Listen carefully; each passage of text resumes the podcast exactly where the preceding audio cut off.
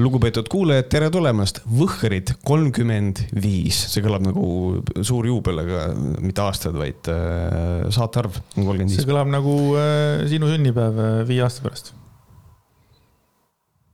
jah, tegelikult isegi nelja, sellepärast et ma saan kohe kolmkümmend üks True, true. ja kusjuures ma sain selle, aa muidu ma olen Märk Õike sõna, Seeger. ahoi.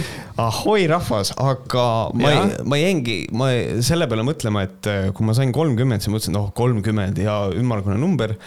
ja siis, et kolmkümmend üks on nagu eh,, et nagu nüüd on see, et enam ei ole ümmargune kolmkümmend, nüüd sa oled lihtsalt nagu päriselt kotib ka või?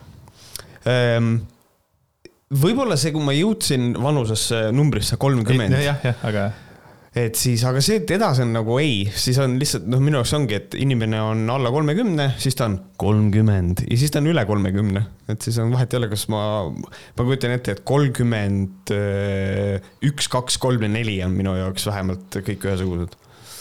no, aga sa nagu, kui keegi küsib, kui vana sa oled, siis sa nagu tead seda veel onju. sa oled veel selles vanuses, et sa veel tead. tean, et Okei. mul, sul on teistmoodi või? ja, ja ma ei saanud nagu aru sellest, ütleme veel mingi kolm-neli aastat tagasi, et kuidas see on võimalik, et sa hakkad mõtlema, kui vana sa oled onju. Mhm. siis keegi küsib onju, et siis arvutad, ahah, jah. et see on mingid nii veidrad asjad on, mis selle vanusega tulevad, mis tundusid nagu täiesti ajulagedad nagu. mm. -hmm. aga võib-olla küll jah, see on ühel hetkel ka. noh, Märt, vana sa juba oled? Siis mõtled, ma sündisin kaheksakümmend, noh, ütleme, sina sündisid üheksakümmend, üheksakümmend, noh, sul on hea mõnus arvutada. aga ma- kuna ma olen matemaatikas halb, siis jälle samas ei ole sa. oled matemaatikas halb või? jah, okei, et Üllatus. äh, ikkagi äh, suht kehv. sa jätsid mulle intelligentsema mulje. Äh, ja no minu ülesanne on elus fake it till you make it. jaa, sa oled nii hea näitleja. ja ma oskan küll arvutada, mõtle ise, võtad ühe, kahe, mis sa saad, noh. teenime kolme, no vot, jah, siis nagu oskaks ise. aga kui rääkida siis nagu siin uudiste künnitest, künni, künnistest, siis mulle tundub, et sa tõmbasid üle künniste. Äh, jah, õnnestus, õnnestus tä- jälle nägu meediasse saada, kui nii äh, võib öelda, et, et siis kajastati uudist, mida ma tegelikult olen jaganud äh, küll oma abikaasa Instagramis oli juba lähedasemad inimesed teadsid. minu, need, kes vaatasid, vaatavad mu striime, nemad said juba enne teada, meedia mitte aga siis, kui ma nüüd oma Instagrami postituses ka väga selgelt vihjasin, siis äh, tõepoolest, et meediaväljaanded küsisid kommentaare ka, ma kahele andsin, ühele ei andnud. ja siis uudis on, on väga lihtne, uudis on see, et detsembri lõpus ma saan isaks. Et see on tegelikult asi, mida siin ma olen juba pikemat aega teadnud, aga polnud, polnud huvi nagu avalikkusele seda jagada, aga kuna see nüüd on avalikult, et siis võib siis lõpuks podcast'is ka öelda, et jah, et nii on, et et mm -hmm. abikaasa ootab mul last või noh, meie ootame, on võib-olla veel õigem öelda. mulle meeldis Kroonika artikli pealkiri ka see, et, et noh, et et saavad, noh, et me saame abikaasaga lapse, mitte mingi kolmanda isikuga, vaid abikaasaga saan selle lapse, et see oli nagu tore. et äh, Õhtulehele andsin kommentaari, Elu24-le andsin kommentaari äh, siuksed oleme ootusärevuses a la mingi siukene. aga kuna Ingrid Weidenberg otsustas, et tema oma pulmadest ei räägi, sest et tema eraelu kuulub talle, siis ma andsin väga ilusasti ajakirjanikule teada, et äh, noh, et äh, esiteks, mis on ka oluline asi on ära mainida, on see, et minu käest küsiti kommentaari tund aega peale seda, kui artikkel oli välja lastud, mis on minu arust täiesti bonkers lollakas. ja, ja siis ma vastasin, et minu arust on imelik anda kommentaari praegusel hetkel ja et ja võttes arvesse, mida ütles Ingrid Weidenberg meedias, siis tundub mulle natukene irooniline teiega nagu selle teemal üldse vestelda. aga ma kirjutasin lõppu, et teie vastu mul ei ole mitte midagi, et noh, et, et ajakirjanikul ei oleks mulje, et ma kuidagi üritan endale nagu vastu olla minu käest küsiti, et noh, kaua sa juba teadnud oled? kirjutati, ma ütlesin, et noh, ma ei tea, neli-viis kuud ikka vast või. mm. -hmm. ja, jah, see on siuke. lihtsalt mulle tegi nagu nalja see, et noh, et kui sina, sinu, sinu, sinust tuleb uudis, siis küsitakse nüüd minu käest, et kaua sa juba teadsid, no ma ikka juba teadsin, vaata. ja, ja I m the chosen one. mis on sul kõige suurem eh, hirm seoses äh, uue ilmakodaniku tulekuga? tead. ma olen nii pa- kaua tahtnud seda küsida su käest podcast'is, aga kuna mul ei olnud luba antud, siis.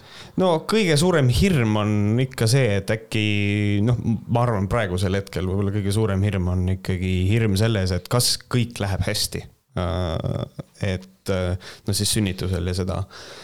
sellest teisel kohal on see, kas ma tõesti pean sünnitusel kõrval olema, mis tundub minu jaoks nagu ähm, nagu väga, väga, väga keerukas leppimine sellega. aga ma arvan, et need kõige suuremad hirmud ja asjad tulevad peale lapse sündi, et noh, et minu käest on küsitud ka seda, et noh, mis tunne on see, et sa hakkad isaks saama, siis ja minu vastus on olnud siiamaani see, et äh, ma arvan, et ma saan aru eh, oma uuest rollist siis, kui laps on sündinud.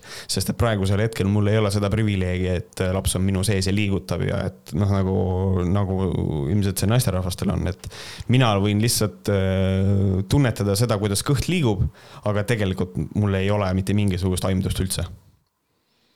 minu minu mõte oligi see, et nagu huviga kuulda, kas sa mõtled seda, et noh, et kuna sa oled ikkagi elanud nagu põhimõtteliselt iseendale, et noh, koos mm -hmm. abikaasaga, aga te elate nagu ikka nagu iseendale vaata, et, et näiteks, et äkki, äkki Märt vastab sellise vastuse, et kurat, nüüd arvatavasti mul on selle arvuti mängimisega natukene, tuleb vähendada seda. et ei, ei ole võimalik ja nii edasi, vaata. selle kõigega ma olen juba tegelenud. nagu, et see ja. oma aeg nagu sellega ma olen tegelenud ka, et äh, see on mõnes mõttes ikkagi ka hirmutav, et, äh, et ma tunnen, et seda aega jääb nagu vähemaks. Ja nagu mõnes mõttes see kõlab hästi nagu negatiivselt, aga ma leian, et see on täiesti normaalne, ma mõnes mõttes tunnen, et mingisugune nöör tõmbab mind juba praegu pingule natukene, et noh, see äh, aina läheneb ja läheneb see, see, see kuupäev. aga põhimõtteliselt ma olen nagu selles mõttes sellega leppinud, et noh, see on minu kohustus ikkagi oma lapse eest hoolitseda ka, et mitte öelda, et ma mängin praegu tuumi ära sega, et see asi nagu niimoodi ei käi. pluss äh, tead, siin on igasugused huvitavad asjad, et on olemas, on olemas ka selliseid mänge, mida saab mängida laps üles, et ma olen ka sellest juba vaikselt hoolitsenud, et äh, nii veider asi, kui see ka ei ole äh,. tellisin endale Euronixist rooli ja pedaalid, et äh, sõita räkka simulaatorit. saite kätte? No selles mõttes, et said kätte, et sa ostast ei osta, et siis ikkagi. ja ma ei leidnud õiget mudelit okay, ja siis ma tellisin okay. Euronixist, ma ei viitsinud oodata seda asja, et, et natukene chill im, et sõber ütles, et noh, see on täpselt niisugune mäng, et kui sa lapse saad, et siis laps on süles ja võid rahulikult rekkaga sõita ja siis ma mõtlesin, et tegelikult see on suht chill, et miks mitte mm. -hmm ja seda on vahva nagu näha olnud, kuidas sa minu tütrekesega suhtled ja, ja alati see teeb mulle nagu hinges, hinges sooja. kuidas sina temasse suhtud ja noh, kuidas ka tema sinusse suhtub mm. -hmm. et, äh, et selles mõttes, et on nagu hästi lahe. aga hakkame nüüd siis rappima ka või? oh, aga nii, kõik ilusad asjad on räägitud. Läks liiga äh, ilusaks, peame kohe ära ikka hakkama rappima alati. jah, just ja siin uh, ukse taga juba toodi kanister bensiini ja paneme sae käima. võtame esimese teema. Üpsilon või Upsilon, Üpsilon. Ypsilon.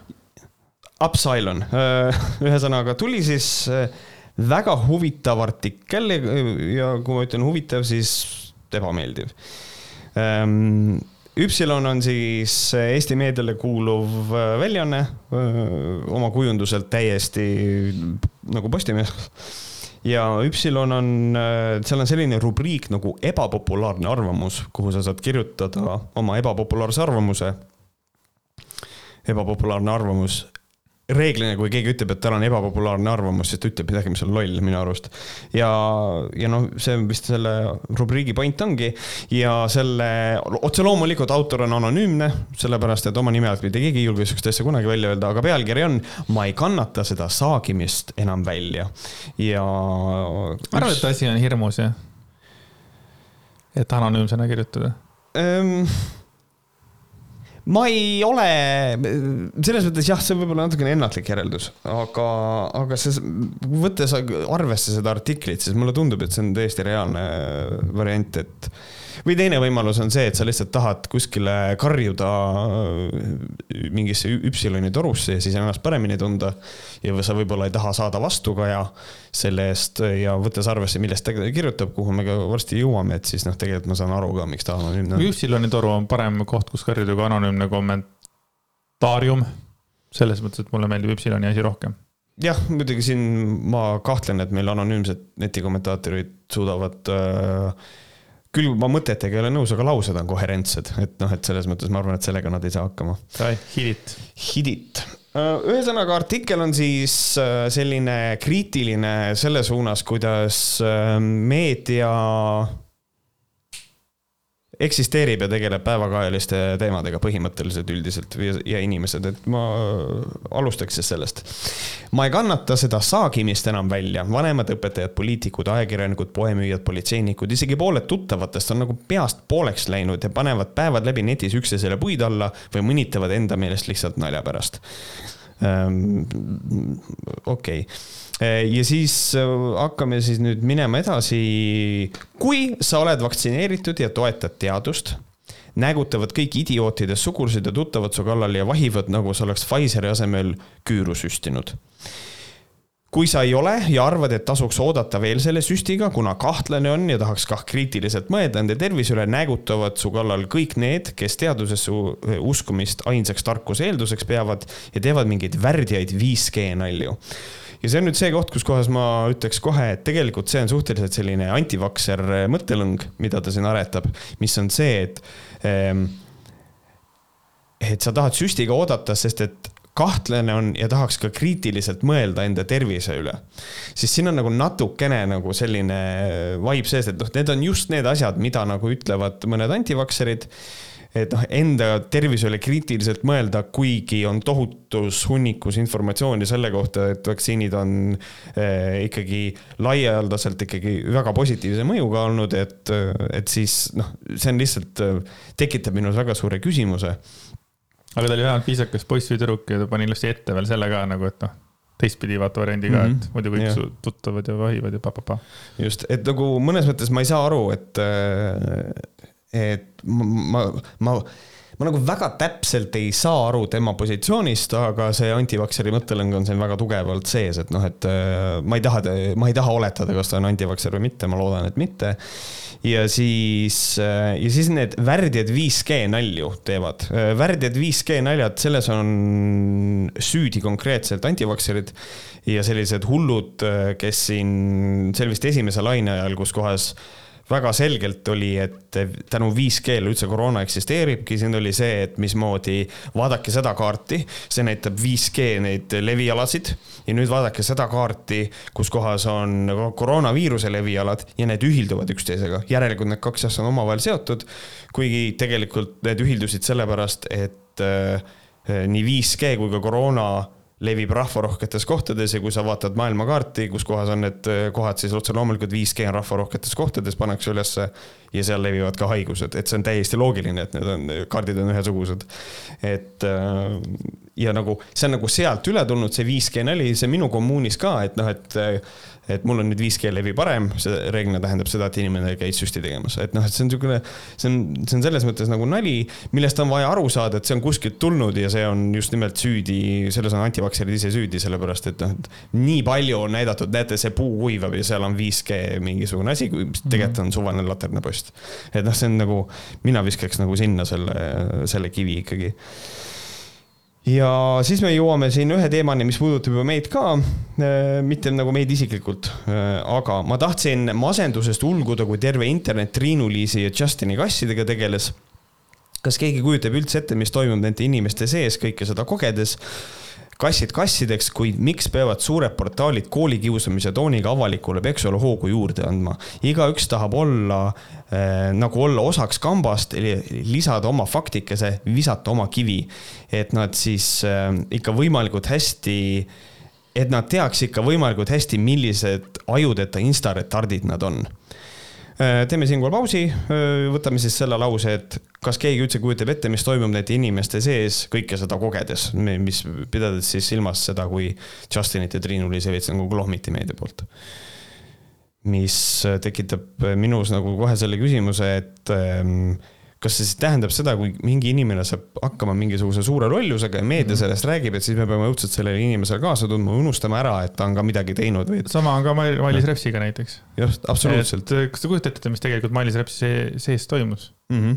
Mm -hmm. Ah et noh, kõik kuriteod vaata. ja, ja, et noh, et siis ongi, et Mailis Reps on, teate, et ta on, ta on, ütleb, et mingi tipp-poliitik, tead ta, Siim Kallase kümme miljonit tuleb välja aga siis on see, et ärme räägi sellest, Siimul on väga raske, ta on vana mees ka ja ei taha talle ju halba ometi. et noh, inim-, üldiselt äh, peaks olema ühiskond nii palju läbipaistev ja see on üks meedia ülesanne on sellega tegeleda, et selle koha pealt tahaks autorile konkreetselt putsi saata.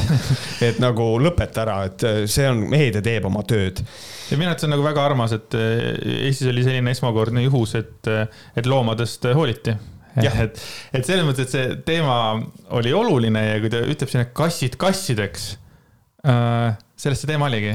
noh, sa ei saa öelda kassid kassideks, kui kassid olidki see põhi, põhipoint, et, et sa ei saa nagu need kassid kassideks lihtsalt nagu kõrvale jätta, et kassid kassideks, et mm -hmm. aga miks peavad suured portaalid koolikiusamise tooniga avalikule peksuloogu juurde andma?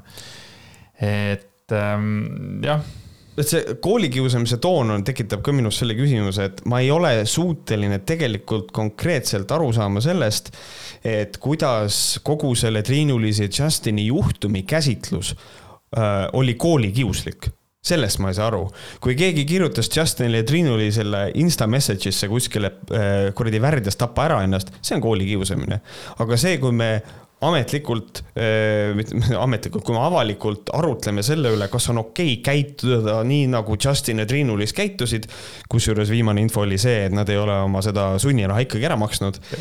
ja siis äh, see on asi, millest on vaja rääkida. see inimene tegeles kelmusega, äh, valetas, et need kassid ta leidis, kõike seda. kas me ei tohi sellest siis rääkida või? Et nagu, mis on siis, kas, et kas lugupeetud autor, ta võiks mulle nagu saata nimekirja asjadest, mis on need, millest me võiksime avalikult rääkida ja kuskohast jookseb see koolikiusamise piir. kui tuleb uus info, siis on vaja see ju meedial välja lasta. kus on liiga palju? kui sa nüüd korra mõtleksid, paneksid ennast nagu selle kirjutaja kingadesse mm. -hmm. kus on nagu too much, et kui tõesti nagu kõik võtavad selle, et kõik portaalid, meie, kõik räägivad sellest, kas kuskil on ka mingisugune piir või? Ei. see on väga hea küsimus, kusjuures. Äh, mina leian seda, et kui meedia oleks hakanud tegelema sellise äh, paparatšoliku tagaajamise ja jälgimisega ja mingi selline, et lihtsalt, et mis nad nüüd teevad, et nagu ja mingi salaja akendest pildistamine, kõik sihukene asi on minu arust nagu haige. Äh, aga üldiselt ähm, doksimine, igasugune see, et mingi väga isiklik informatsioon, mis ei ole selle asjaga seotud, kui see välja tuleb, siis see on üle piiri minek minu arust. aga üldiselt äh, ma ei tea, open letter äh, kõikidel meediaväljaannetele, et kui ma saan hakkama mingisuguse sellise teoga nagu Justin, siis teadke, et teil on luba teha minuga sedasama, mida te tegite Justiniga et äh, kui, kui ma astun üle piiri, siis on vaja seda näidata, kuidas ma astun üle piiri. et nagu selles mõttes äh, ma arvan, et äh, see peaks, et, et päriselt minna kuidagi koolikiuslikuks, siis selle jaoks on vaja ikka tõsiselt vaeva näha. et noh, meedia on siinkohal ainult teinud oma tööd minu arust mm. -hmm selge. siis ta kasutab sõna retardid, mis on suhteliselt kole asi, niisugune suutmissurveline, aga las ta olla, muidugi ta ise ütleb seda ka, et kasutab terminit koolikius, et on koolikiuslik, inimesed saevad ja siis ta ise ütleb retard mis.... millised ajude insta-retardid nad on. jah, et see on nagu selles mõttes veits vastuoluline iseendale, aga me anname andeks, see ilmselt see on su esimene artikkel, mis sa oled kirjutanud. ja siis on tema see suur küsimus on kogu selle peale, et mida see muudab ehk siis avalikkuse ees rääkimine ja see on, see jällegi ajab mind kuidagi väga endast välja, sellepärast et see on avalik arutelu ehk siis äh, kujuta ette, ajakirjanik saab teada, et oo oh, näed, Justin viis kassid, äh, ta ei tahtnud nendest hoolitseda, talle ei meeldi kassid, siis ta viis need sinirebasesse, kus nad tõenäoliselt pannakse magama. nojah, siis ei ole, aga noh, ei ole mõtet rääkida sellest, need on ainult kassid või noh, mis see suhtumine peab siis olema. et mida see muudab, ongi nagu see, et avalik debatt aitab ühiskonna sellisel arusaamal moraalist ja eetikast kuidagi nagu seda asja loksutada. ehk siis, et me saaks ühiskonnana aru, milline käitumine on okei okay ja milline käitumine ei ole. ehk siis, et et sellised asjad ei läheks kuskile kivi alla, keegi ei hakkaks neid peitma, et sellepärast ongi just nimelt, me peame avalikult sellistest asjadest rääkima. reps mm -hmm. on siinkohal ka nagu sa enne repsi üles tõid, väga hea näide, et noh, mida see muudab, et noh, tagantjärgi tõepoolest see raha tagasi ei too, see kasse tagasi ei too, aga edasist elu, et me teaks, noh, et me teame juba nagu, nagu näiteks repsi. tagajärgedest on ju. noh, et mis on tagajärjed, pluss, et kas me kunagi üldse valime enam repsi, kui ta peaks kuskil kandideerima või, või teine asi, et kui äh, Justin tahab endale järsku fuck knows kassi võtta, sellepärast et noh, Instas tuleb võib-olla follower'e rohkem, et siis talle ei anta et inimesed teavad, et noh, see on see, kes kassid vist sinna sinirebasesse, et noh, et, et see kõik on tegelikult lõppkokkuvõttes minu arust väga mm. kasulik asi. et mul on kahju, et inimene ei ole kursis äh, nende positiivsete pooltega. ja siis läheb edasi hästi naljakamaks niisugune lause nagu sõnumi saab palju lihtsamalt kohale viia kuidas siis? Tahaks näidet. kuidas me selle kohale toome? ja mis on see sõnum? just, et, äh, et see sõnum, minu arust artiklit lugedes see sõnum on üsna selgelt mõistetav, et ära, ära ole munn loomadega.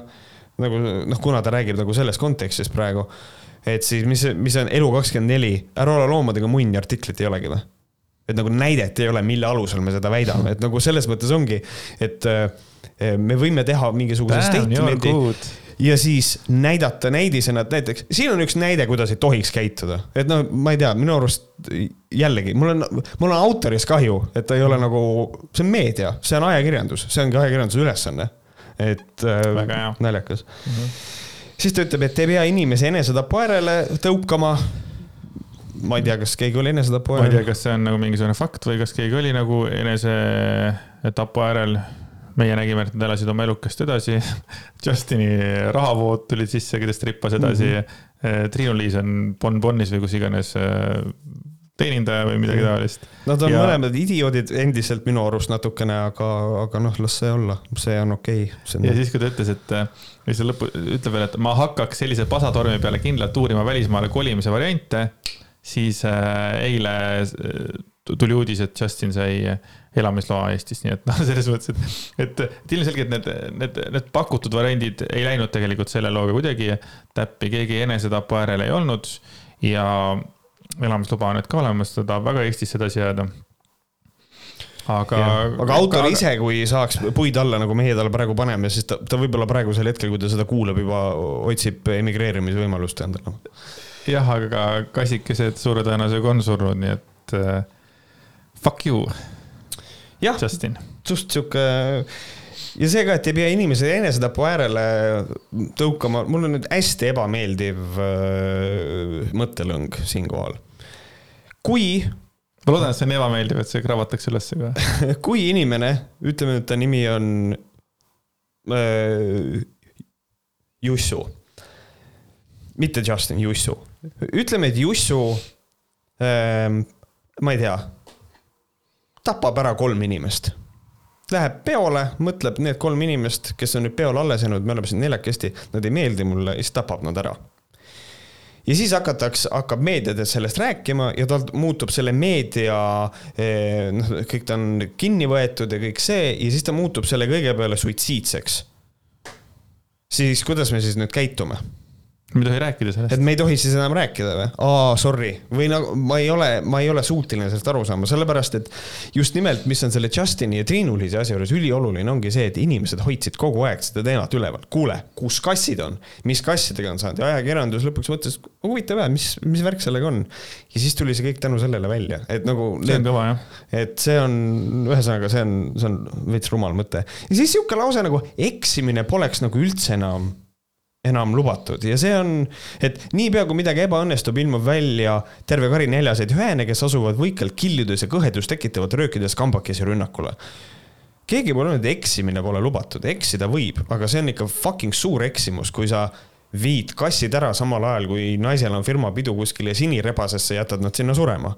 see ei ole eksimine. ja siis valetad silmad siis... Äh, pisaraid täis ja. me oleme kogu... sellest kogu aeg rääkinud, mis kassidest on saanud, nad on maal, siis selja tagant, ei, ma ei öelnud, et nad on maal, nad on tegelikult vanaema juures, ei, nad on vanaema juures.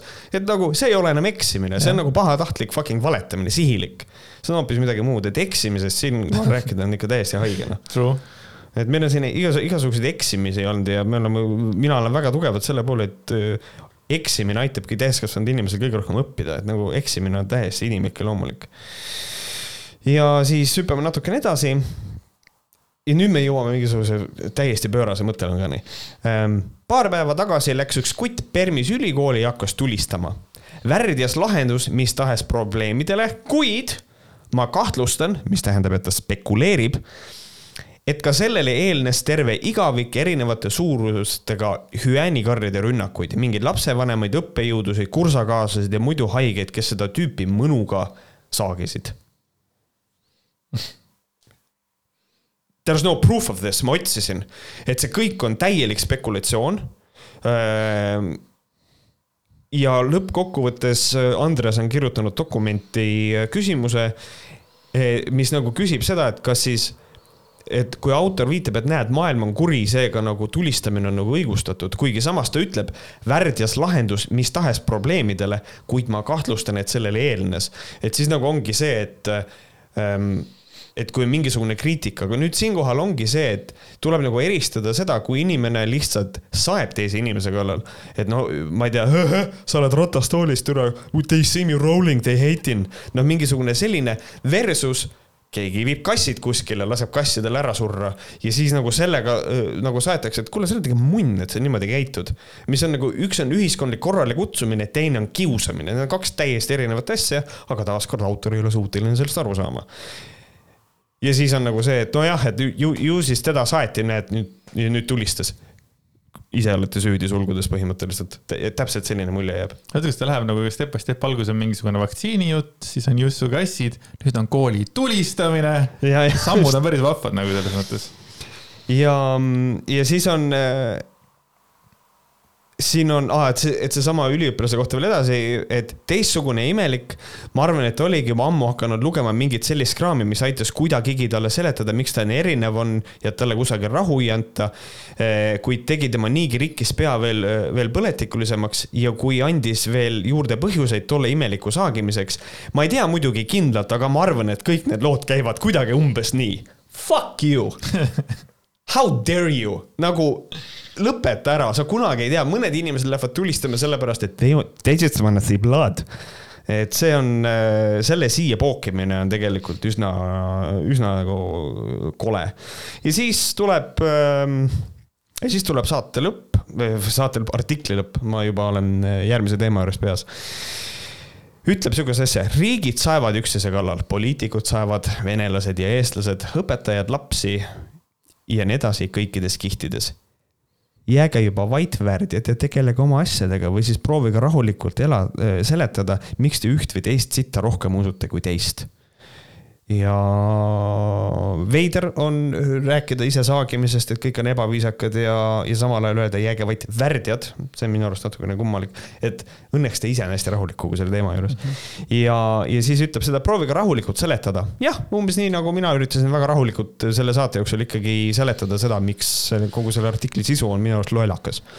et, et, et kas rahulikult seletada, kas rahulikult saagida kritiseerida võib siis või?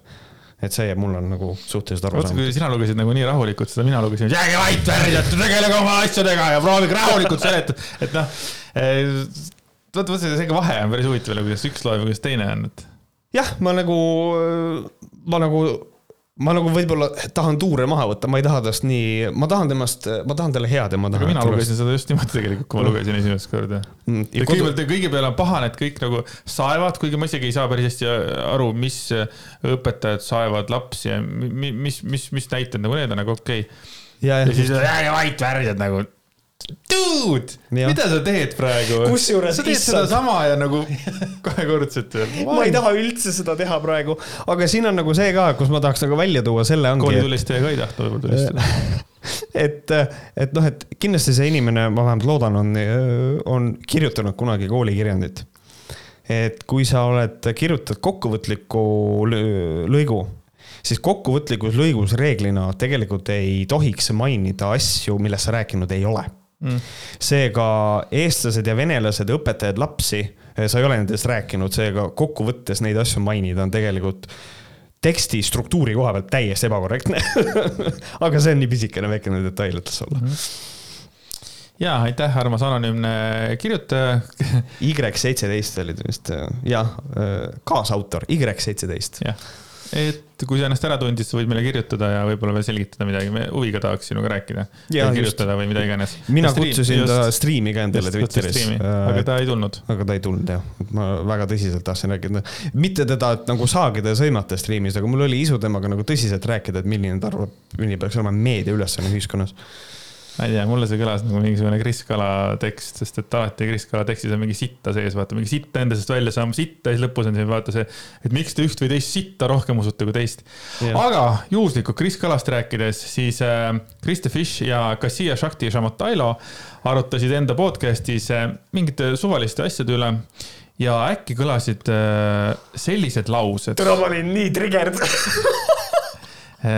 Kassia siis ütles niimoodi. kas ta on Kassia või ta on Kassia? mina ei tea, minu jaoks ta praegu Kassia. kui ta tahab hiljem olla Kassia pärast, võib olla jumala pohhu. Shamotailo, parandage siis meid, kui vaja. Kassia. Kassia Kassia ütles, sest nii paljud ongi, et ma olen süüdi või, et mu mees peksab mind. ei, The Fish ütles, oledki. Kassia ütles, no selles mõttes jah. The Fish ütles, noh piltlikult oledki. Kassia ütles, noh jah, seda on valus kuulda, aga The Fish ütles, süüdi ei ole keegi, aga ses mõttes, et ise sa põhjustad seda. Kassia ütles, sa tõmbad endale seda ligi, sest sina olid ju see, kes selle partneri valis. The Fish ütles, sina lased käituda endaga niimoodi. Kassia ütles, sa kuidagi ise taod ja materdad ennast, sul on kas eneseväärikus väga madal ja sa tõmbadki selliseid inimesi ligi hakkame siis nagu otsast, otsast pihta, et kuidagi nad jõudsid oma jutuga sinna, et, et naine on süüdi, et mees peksab teda. kas siia alguses üritas nagu öelda, et noh, et natuke nagu, et ei ole, aga The Fish tuli vahele ütles oledki. ja, ja kusjuures, sorry, ma ei saa lasta sul rääkida, sest mul tekib see küsimus, fuck, ma ikkagi pean kuulama ka seda uuesti, et, et, et siis äh, ma igaks juhuks ütlen Shakti siis, äh, paljast porgast, Shakti, tema ütleb ka siia, ma ütlen Shakti. et mida siis, mida siis Shakti Shamotailo ütles, oli see, et, et kas ma olen süüdi, et mu mees peksab mind, ei.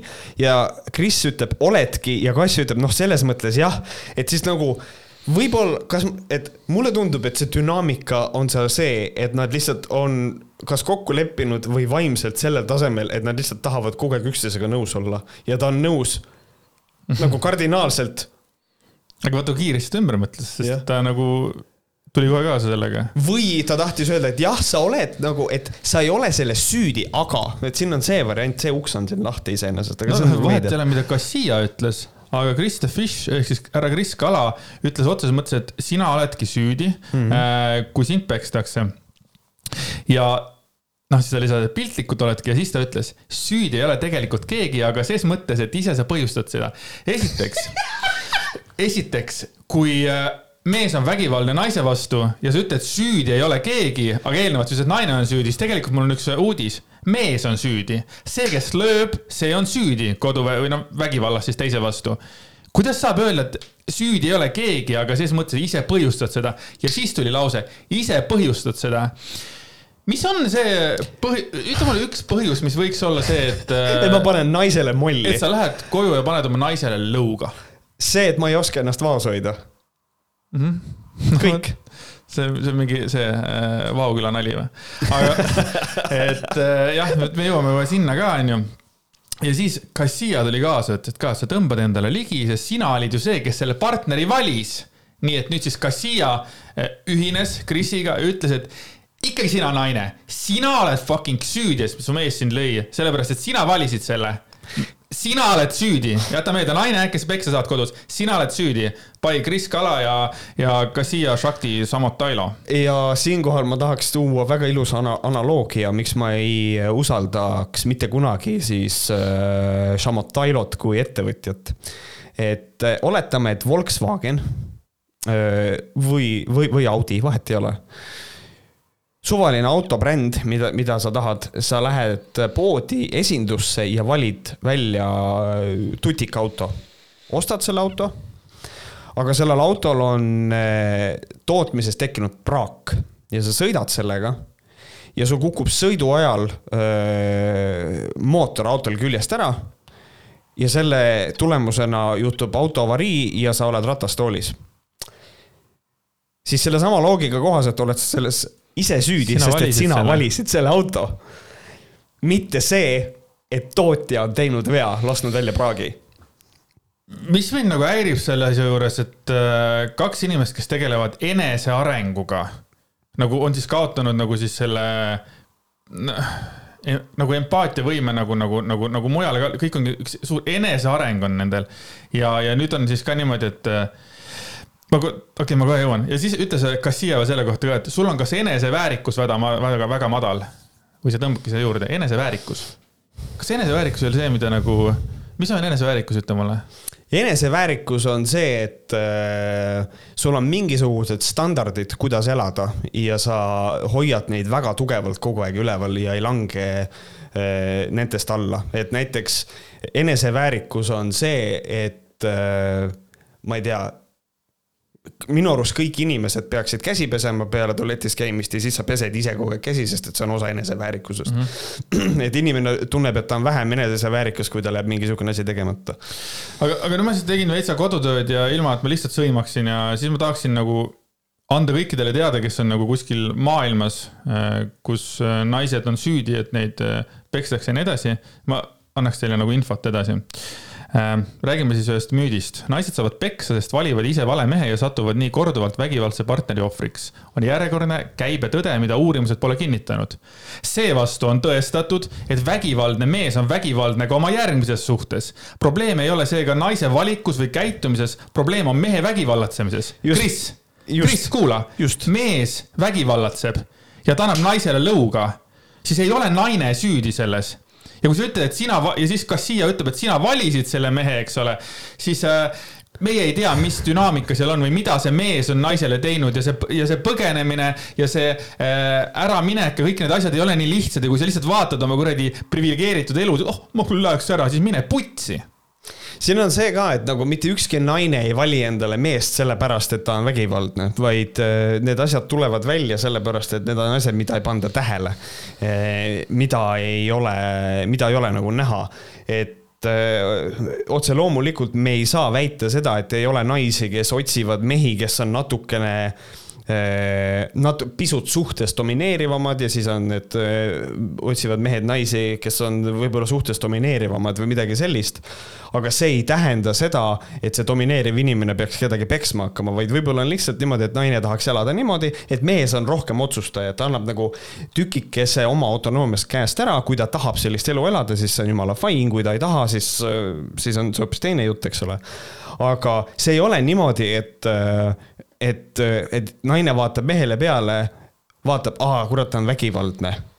Ja siis ja läheb tema juurde, et see on üsna selline keerukas asi ka, et nagu see ei ole põhjus, miks kedagi valitakse, et naised, kes satuvad vägivaldsete meeste otsa, ega nad tegelikult ei pruugi üldse teada, et nad vägivaldsed on. Mm.. et no ise sa valisid, et see on täpselt samamoodi, miks ma selle auto näite tõin, on see, et on asjad, millest ei olda teadlikud, enne kui need on käes ja, ja, ja sellepärast öelda, et sa oled ise valinud ja oled seeläbi ise süüdi.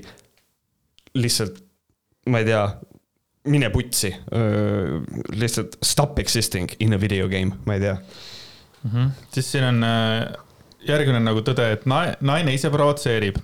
meest vägivalda kasutama on müüt, mis eeldab, et mees on perekonna pea ning tal on õigus füüsiliselt karistada oma naist ja teisi tema omandusse kuuluvaid pereliikmeid. naine pole seega võrdväärne partner, vaid keegi, keda tuleb kontrollida ja vaos hoida selle müüdiga veeretatakse perevägivalla süükoorem naise peale ja mehelt võetakse ära vastutus toime pandud kuriteo eest äh, siis siin öeldakse, et tänavakuriteo puhul süüdistatakse harva ohvrit, koduseinte vahel on see miskipärast loomulik mm. -hmm. taaskord, et äh, süükoorem lükatakse naise peale, et tema ise tingis selle, kuidas sai lõuga või siis tema elab selle mehega, tema sai lõuga, kõik, kõiges on süüdi naine. nagu what the fuck?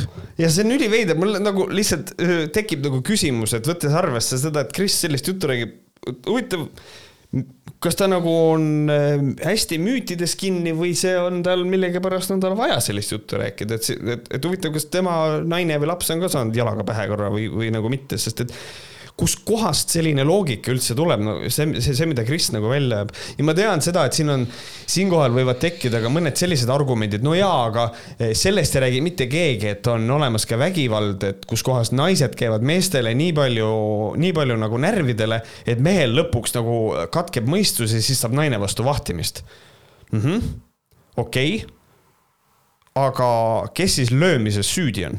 see, kes lõi mm. -hmm et kui, kui naine konkreetselt, võtamegi, et on, et käib mingisugune naisepoolne psüühiline terror, siis sa oled vägivaldses suhtes. mine ära sealt ja ma saan aru, see on keeruline, väga lihtne on öelda, et lihtsalt mine ära, aga otsi abi või midagi. selles mõttes, et äh, sa ei taha olla see inimene, kes äh, äh, kaotab enesevalitsuse ja annab naisele vastu vahtimist, sest et who knows, võib-olla see on see hetk, kus kohas see naine on saanud seda võib-olla, mida ta on ka tahtnud. et on see, et näe, nüüd olen mina ohver, siis ta saab mängida ka ohvrikaarti, mis on ka täiesti võimalik dünaamika.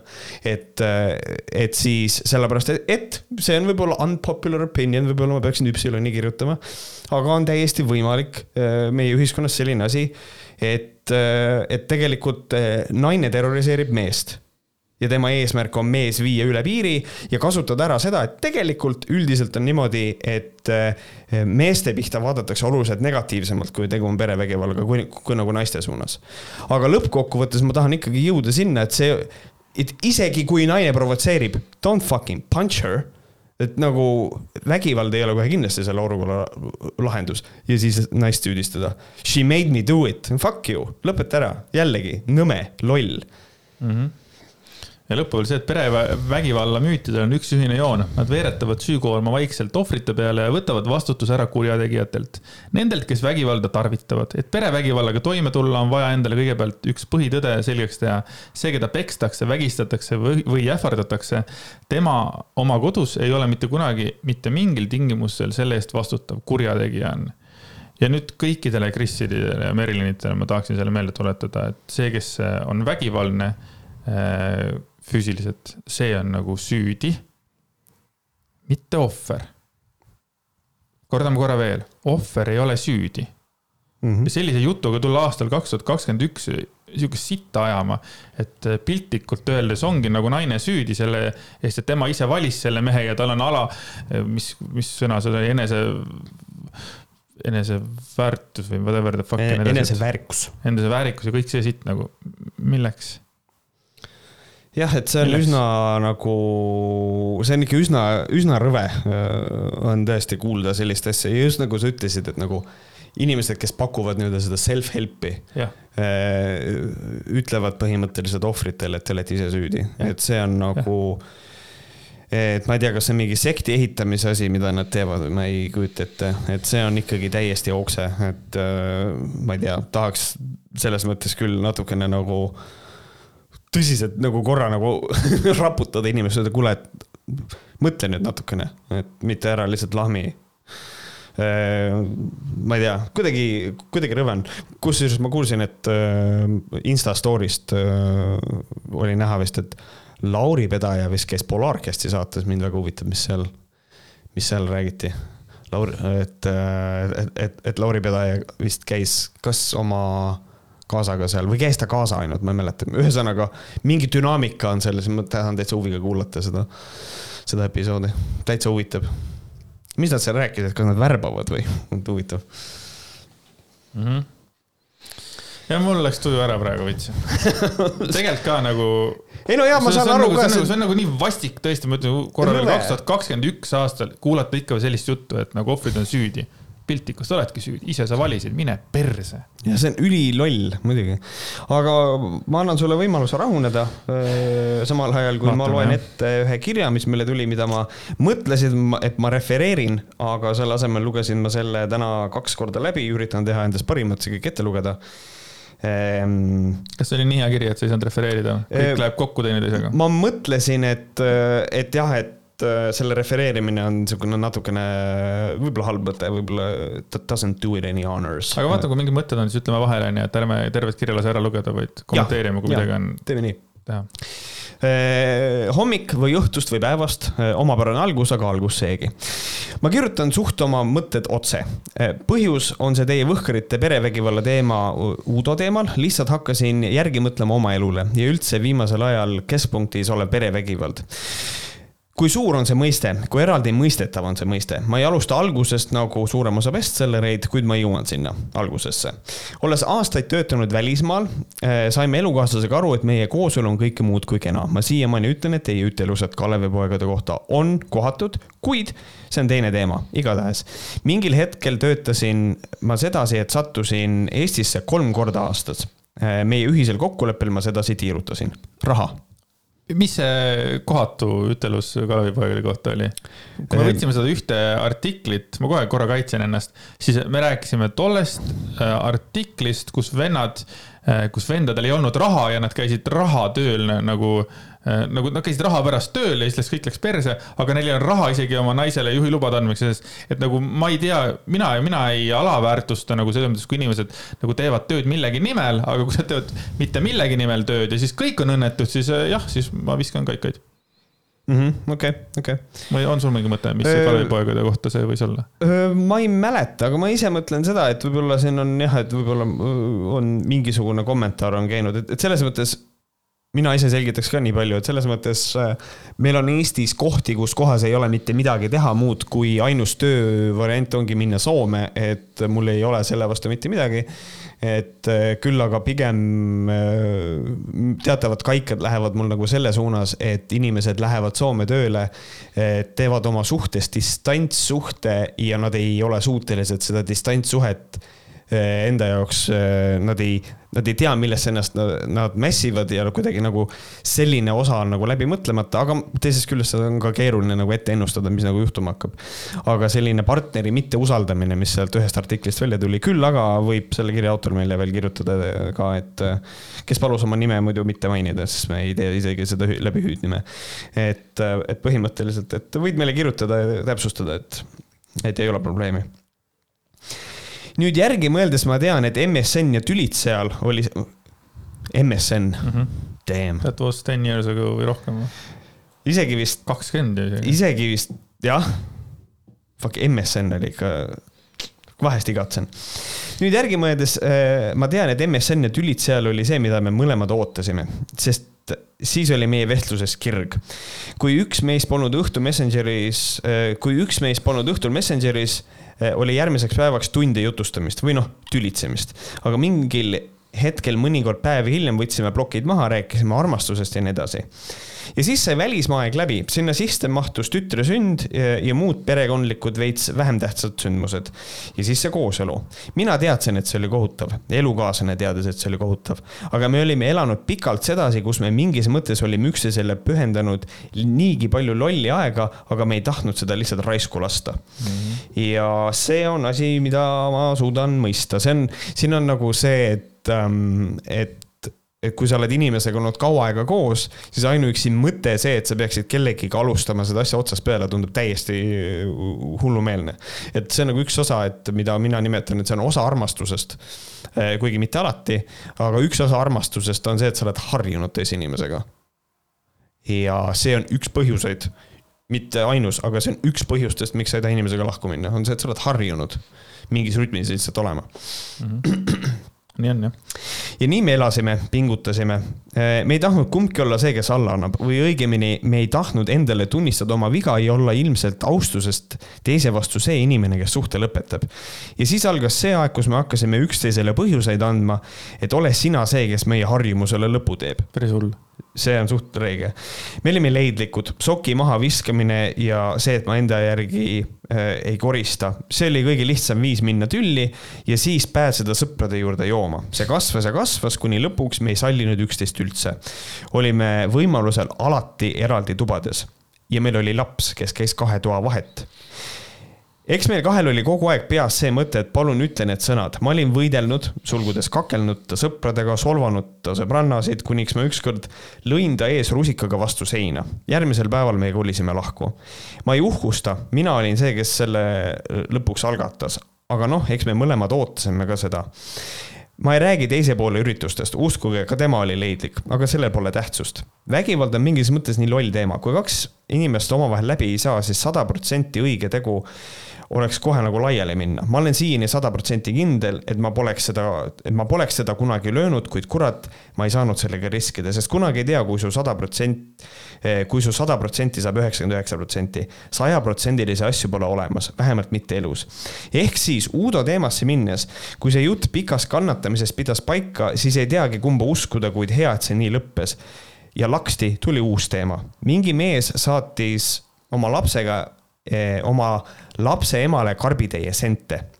Eh, see on asi, mida ma striimis puudutasin, see põhimõtteliselt siis et äh, toetab oma endist naist ja last sellega, et saatis karbitäie sente, et olla võimalikult ebamugav ja, siis andis selle karbi lapsele. ma läksin pöörde, äh, pöördesse. ma olen elus kaks korda vägivaldne olnud, mälus peaga. mõlemad korrad olen kainena vabandust käinud palumas, korra neist olin ise algataja. ehk siis ma pole suuremasi tülinorija, aga vot sellele tüübile tahaks tõmmata üle kõrvade küll. Teie saadate putsi, mina ütlen lihtsalt munn ma ei saa neist inimestest aru, kes teevad oma eks-elukaaslase elu raskeks, kasutades selleks oma last.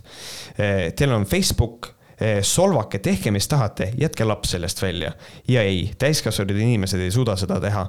Nad teavad seda, et kõige nõrgem koht vastaspooles on laps ehm, halvemal juhul kasutavad seda võimalust mõlemad ja nüüd on see koht, kus ma jõuan oma kirja algusesse. see, kus ma mainisin, et ma jõuan meie suhte algusesse ka. ma maksan alati oma asju õigel ajal, kui võimalik, siis rohkem. ma suhtun oma lapse emasse nüüd suure austusega. laps on koolis peaaegu viieline, meil mõlemal on elu, eh, kus me elame, eh, mõlemad oleme rahul.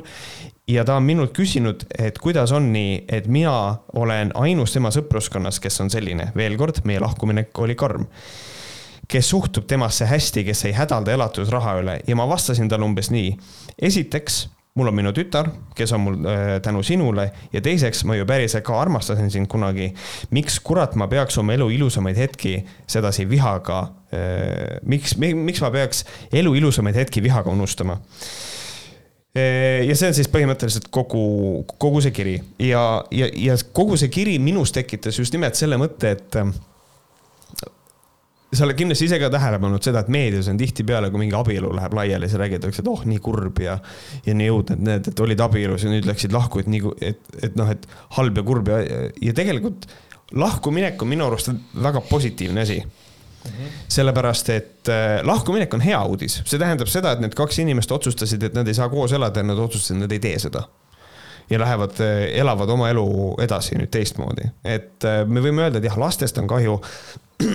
aga lõppkokkuvõttes on see, et lahkuminek on tegelikult edasiliikumine osaliselt osaliselt vähemalt. aga et... mina ei ütle seda, et lastest kahju on, mina olen alati olnud selle poolt, et kui mul on kaks õnnelikku vanemat ja kaks õnnelikku kodu või siis üks sõjatander, siis mm -hmm. kumma ma valiksin lapsena, et nagu see ei ole mingi küsimuski nagu, et. et kui on nagu kehvasti ja kuidagi paremaks ei lähe, siis mina soovitan küll ilusti otsida endale enda elurõõm tagasi. jah, ja nagu kirja autori puhul on ka nagu väga selgelt on aru saada, on seda, et, eh, et noh, see on mõnevõrra nagu huvitav, aga noh, arusaadav ka tagantjärgi, kui oled kogu seda lugu nagu lugenud, on, on nagu see, et noh, tegelikult sorry, aga noh, eh, need, nad läksid lahku ja nad saavad paremini läbi mm.. et see on nagu, et see on nagu noh, põhimõtteliselt ju äge. aga nüüd nagu siis, kui ma nüüd olen paar aastat isa olnud, siis äh üks asi on küll, mis on minus muutunud, ongi see, et kui varem ma olin hästi tugevalt selle poolt, et minge lahku ja ta-ta-ta, lapsel on kaks õnnelikku kodu, siis praegu on ikkagi nagu mingi osa minus ütleb see, et okei okay,, kui mul peaks minema halvasti, et noh, ja siis nagu lahku minna, et siis ma ei näeks neid väikseid rosinasilmi iga hommikul, eks ole mm -hmm., noh, nagu tütrekest näiteks, on ju, ja, ja, ja, ja mis siis teine variant oleks, kogu see endale võtta nagu lapsehooldusõigus või, et teine vanem armastab sama palju. et nagu see on see üks raske asi, aga noh, ma usun, et see on ikkagi ka nagu mängitav mingi nädal ühe juures, nädal teie juures. kui mõistlikud vanemad on, siis suudavad, aga mm -hmm. nagu see nagu murrab, murraks mu südame, ütleme, kui ma ei näeks iga hommik teda. või no iga päev selles mõttes ka, aga nagu, et just see jah, aga, aga noh, siin ongi nagu see, et, et noh, sa oled selles mõttes ka väga priviligeeritud olukorras, et, et sul ei, et sul on nagu kõik eraelus hästi, et nagu siin on variant see, et kellelgi on ka sellised samad rosinasilmad, aga need on hommikul ja siis ülejäänud päeva on teine pool ja lihtsalt on tülid ja pinge ja stress, et noh, et siin on nagu see asi ka. aga ei, otse loomulikult, et tänan, tänan kirja eest, väga julge, väga, väga isiklik ja ma arvan, et mõnes mõttes ka mõnele kuulajale väga, väga hea kuulamine mm. -hmm. nii äh,, lähme siis edasi. võtame järgmise kirja. võtame järgmise kirja ja kirja autor on äh, Facebookis äh, avaldanud oma mõtteid ja tema nimi on Harri Kingo. Harri Kingo, kuidas teda siis nagu tutvustada, Harri Kingo on üks äh, vanakooli teletegija, kes mm -hmm. üks hetk keeras ära ja nüüd ta istub oma Facebooki selles augus, tal on terve hunnik jälgijaid, ta on hästi konservatiivsete vaadetega ja siis ta lahmib seal ja teeb igasuguseid asju. huvitav on see, et kunagi ta rääkis, kirjutas hästi pika teksti sellest, kuidas Andrus Vaarik on, ma ei mäleta, kas see oli pedofiil või, ja mitte ükski see väljaanne ei korjanud seda ülesse ma olin täiesti hämmingus, sest ma nägin seda, see oli mingi, see, see, see nagu levis vaata Facebookis see nagu see, kus ta süüdistas Andrus Vaarikut igast hirmsates tegudes.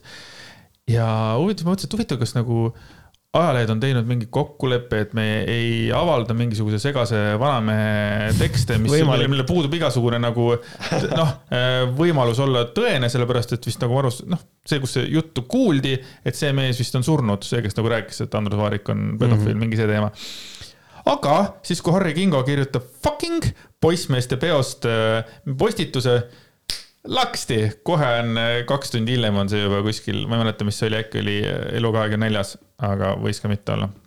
igatahes Harry Kingo, konservatiivne härrasmees, vaatas sellist vahvat reality show'd nagu Poissmeeste pidu ja, ja, ja, ja otsustas sellest kirjutada ja siin on, ma arvan, iga lause taga on vaja midagi kommenteerida, nii et nüüd I, I start at the beginning. Ja kohe algab ütlema, tunnistan, et ma ei vaadanud seda saadet. selge, väga hea postitus, võime edasi minna, järgmine teema lihtsalt. Fuck me. See on nii armas lihtsalt, kui inimene ütleb, et ta kirjutab, ta kirjutab arvustuse yeah. ja alustab sellega, tunnistan, ma ei vaadanud seda saadet tubli, see on hea. täpselt see, täpselt see on see allikas, mille pealt ma tahan kuulda, mis seal saates toimus. kusjuures ma, ma mõtlen, et, et ta võiks teha endale kodulehe äh, harrikingo.ee, kus kohas ta teeb filmidele arvustusi.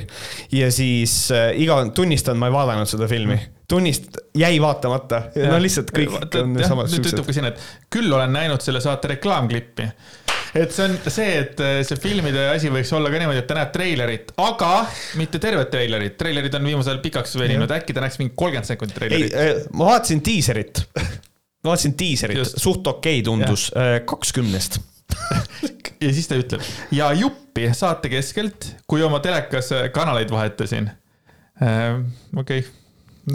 ühesõnaga et ta ei vaadanud seda, okei okay,, nüüd tegelikult, nüüd on, nüüd on see koht, kus kohas ma nüüd hakkan saagima ja norima natukene Harri, Harri Kingot. ma tunnistan, ma ei vaadanud seda saadet. Ja siis ta ütleb ja juppi saate keskelt. Ehk siis sa ikkagi vaatasid seda saadet, sa ei vaadanud tervet saadet, aga sa ei saa öelda, et sa ei vaadanud seda saadet, sest et sa vaatasid juppi keskelt. aga lähme edasi. Ei, nüüd jah sellest piisas, et nende saadete vaatamisest loobuda. mida ta pole isegi alustanud nende Just, vaatamist ise. aga ta klõpsis kanaleid, nii siis ta kirjutab, ükski meie telekanal pole kunagi veel sellisesse labasusse kukkunud kui TV3 selle sarjaga. ma ei ole sellega absoluutselt nõus, sellepärast et. oot, oot, oot, oot, oot, alustame sellest, et mis on labasus no muidugi. mis on kelle jaoks labasus on ju, labasus on lai mõiste. me alustame, et perepea on paljude jaoks labane, kindlasti on. teletopp, kus nad teevad lolle nalju, on labane. Äh, ja siis tulevad sisse rannamajad, eelnevalt terve hunnik reality'd, eks ole, mis on ka üsnagi labased olnud, ma ei tea, Reisile sinuga võib-olla ka kellegi jaoks labane no,. et seda ei saa nagu öelda, onju. aga nüüd sellisesse labasusse kukkunud kui TV3 selle saarega, ma ei ole üldse nõus. esiteks Märt ütles seda, et Rannamaja eelne hooaeg, noh, no see oli ikka nagu, see oli parim televisioon oli Rannamäe eelne hooaeg, aga kui te arvate, olete kõike näinud, siis tuli Rannamäe Raju Reede et selles mõttes, et Raju ja. Reede ja Poissmeeste pidu on minu jaoks nagu üsna võrdse, võrd, võrdmärgiga nagu. et selles mõttes, et, et seal see algas see kõik see stiil, vaata see, kuidas see, mis see Maarjus või kes seda peale loeb, vaata. Ja kõik see on nagu minu jaoks hästi sarnane Raju Reedega aga seal ei olnud lihtsalt korrale kutsuvaid Adat ja Seidit, eks ole. see oleks palju parem, kui, kui Rannamajal oleks peale lugenud see, kes Kuurile peale loeb, see oleks vägev tänases saates pannakse sellele naisele taha ja pärast arutatakse, kas see oli õige või see oli vale. kes on süüdi, kas ohver või lööja vägistaja või vägistaja. nagu ja selles mõttes ma tahaks lihtsalt nagu välja tuua siukse asja ka, et äh, ükski meie telekanal pole veel sellisesse labasusse kukkunud sa ei vaadanud seda saadet, sa ise ütlesid ja, ja ma eeldan, et sa ei ole vaadanud. ja mina usun ka, et ta ei ole vaadanud kõiki saateid, et ta ei saa öelda, et ükski telekanal ei ole, sest ma ei tea, ma ei ole vaadanud Puhkus Mehhikos, aga ma kujutan ette, et ka seal võis olla asju, mis on inimeste jaoks labane. muidugi no., issand jumal, see on minu arust on, võimalik vaid Venemaal, kas on veel võimalik labasemat saadet teha või? jah, see on labane, siis äh, see, no mis see oli see Kreisi raadio? Kreisi raadio tegelikult ikkagi suhteliselt labane, sinu jaoks on see Karleval neeger. perse.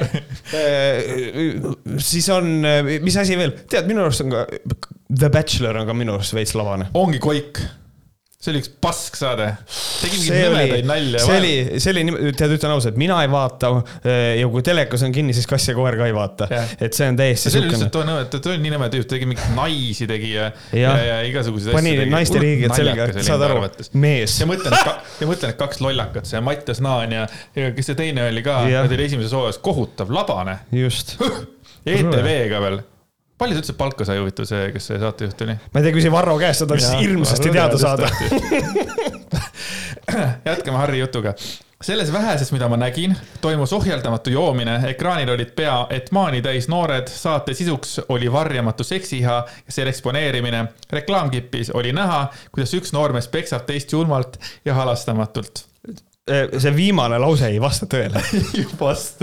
kas see oli esimeses osas või, või äh, see oli, mina olen näinud, mina olen ainult esimest osa näinud. ma siis alustan sellega, et mina olen näinud neid kõiki, ma vaatasin need äh, K3-st nagu kohe ära, kui nad tulid, ma jäin natuke hiljaks, aga ma vaatasin kolm osa kohe ja siis nagu neljanda nagu ja kui ma arvan, et ta räägib sellest noormees peksab teist julmasti ja halastamatult, siis jah, Kevin Kadakas, mitte kõige imposantsem noormees, hakkas seal mürama Kalvi Kallega, aga ta käitus veitsa inetult ja ütleme, hoidis seda kinni ja siis ta nagu natukene tuuseldas, et see on, see on selline, et okei okay,, ütleme niimoodi, et ta, ta peksis teist, aga mitte julmalt ja halastamatult, vaid see oli selline nagu, kuidas Malle Pärn ütleks selle kohta. mis see, mis see Pepu koht, Pepule lõi see tarand. Müksamine. see oli selline nagu müks, inetu müksamine, selles mõttes, et absoluutselt, Kevin Kadakas ei ole nagu äh, normaalne inimene. ja tere küll, kui leidlik sa oled, et sa Malle Pärna sisse tõid, et sa nagu konservatiivi sõnadele paned konservatiivi sõnadega vastu, see oli lihtsalt müksamine. Harril on väga Aga raske see praegu, Harri igi, pühib igirest, mis ma nüüd ütlen. toimus ohjeldamatu joomine. see, minu arvates seal oli. Kalvi väga... Kalle ei jõi ohjeldamatult minu arust, sest et ta tahtis mällu juua ennast kogu aeg. jah, aga see ohjeldamatu joomine kõlab ka nagu natuke halvasti, tegelikult nad võttis seal nagu šotte ja siis nad, näidati seda nagu ohjeldamatu, võib-olla see toimus see mingisugune tunde see, et see, mis on ohjeldamatu, iga reede õhtu, mis toimub nagu mm. äh, Eestis on, kui inimesed lõbutsevad, teevad nagu, võtavad jooki, onju Harri ei saa käia igas klubis öelda, ohjeldamatu joomine toimub siin, ära võta neid šotte või, või mis see ohjeldamatu joomine on ta? võikski käia. ei, aga mis see on ja ekraanil olid pead maani täis noored. persse kaks tüüpi olid täis ja nad ei ole ka enam nii noored, eks ole, Kalvi, Kalvi Kalla ei ole ka enam kõige noorem, eks ole. Aga okei okay,, ma saan aru sellest. füüsiliselt mitte. et, et talle ei mehi ja siis sisuks oli varjamatu seksiiha ja selle eksponeerimine. vaata, K3 on läbi ja hammustanud selle, mida mina olen rääkinud aastaid ja nad on seda teinud viimasel ajal väga hästi.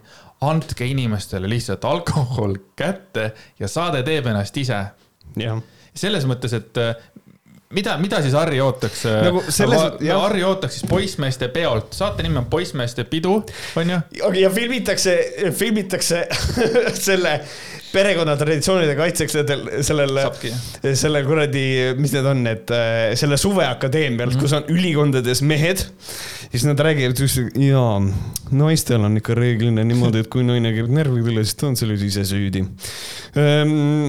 Pierre, too mulle konjakit, palun mingi sihuke, noh, mingi, mingi see on siis poissmeeste pidu, no homo. ja ma nagu tulen jälle selle juurde tagasi, et nagu, et see, mis toimub, mis noortest, selles mõttes, kui ma vaatan seda pidu seal onju, see, see esimene osa isegi ei lähe minul top kolmesaja mu nagu pöörasema peo sekka, selles mõttes, et see ei ole nagu, see, see ei ole nagu niimoodi, et nagu mida me nüüd näeme, oh my god, et üks vend tõmbas ennast täis ja käitus nagu täielik debiil selles mõttes, et äh, ma räägin, see Kevin, noh, selle kohta on nagu noh, mida mina ütlen nüüd siukse vanema härrasmehena on see, ta on rassist ta on äh, seksist, ta on, äh, ta on, ta on nagu kõike seda, mida üks inimene olla ei tohi, aga kahjuks on väga paljud ka teised äh, Eesti noormehed ja ma kujutan ette, et ka mina olin umbes samasugune mingi aeg, võib-olla väikeste mööndustega ja nii edasi. et, et, et täis oleme me kõik joonud ja noored oleme me kõik joonud aga noh, jah, selles mõttes Kevin ei ole okei okay vend. no jaa, aga vaata, Harri ütlebki, et see ei ole normaalne ja seda tohiks propageerida. aga seda just peabki propageerima, sest see on saade, mis teeb iseennast nagu.. mis nad siis teevad siis oh,, okei okay,, me oleme kõvasti raha kulutanud tegelikult selle, no võib-olla mitte kõvasti, aga me oleme raha kulutanud selle ja aega kulutanud selle jaoks. ja siis me ei lase siis nagu seda eetrisse või?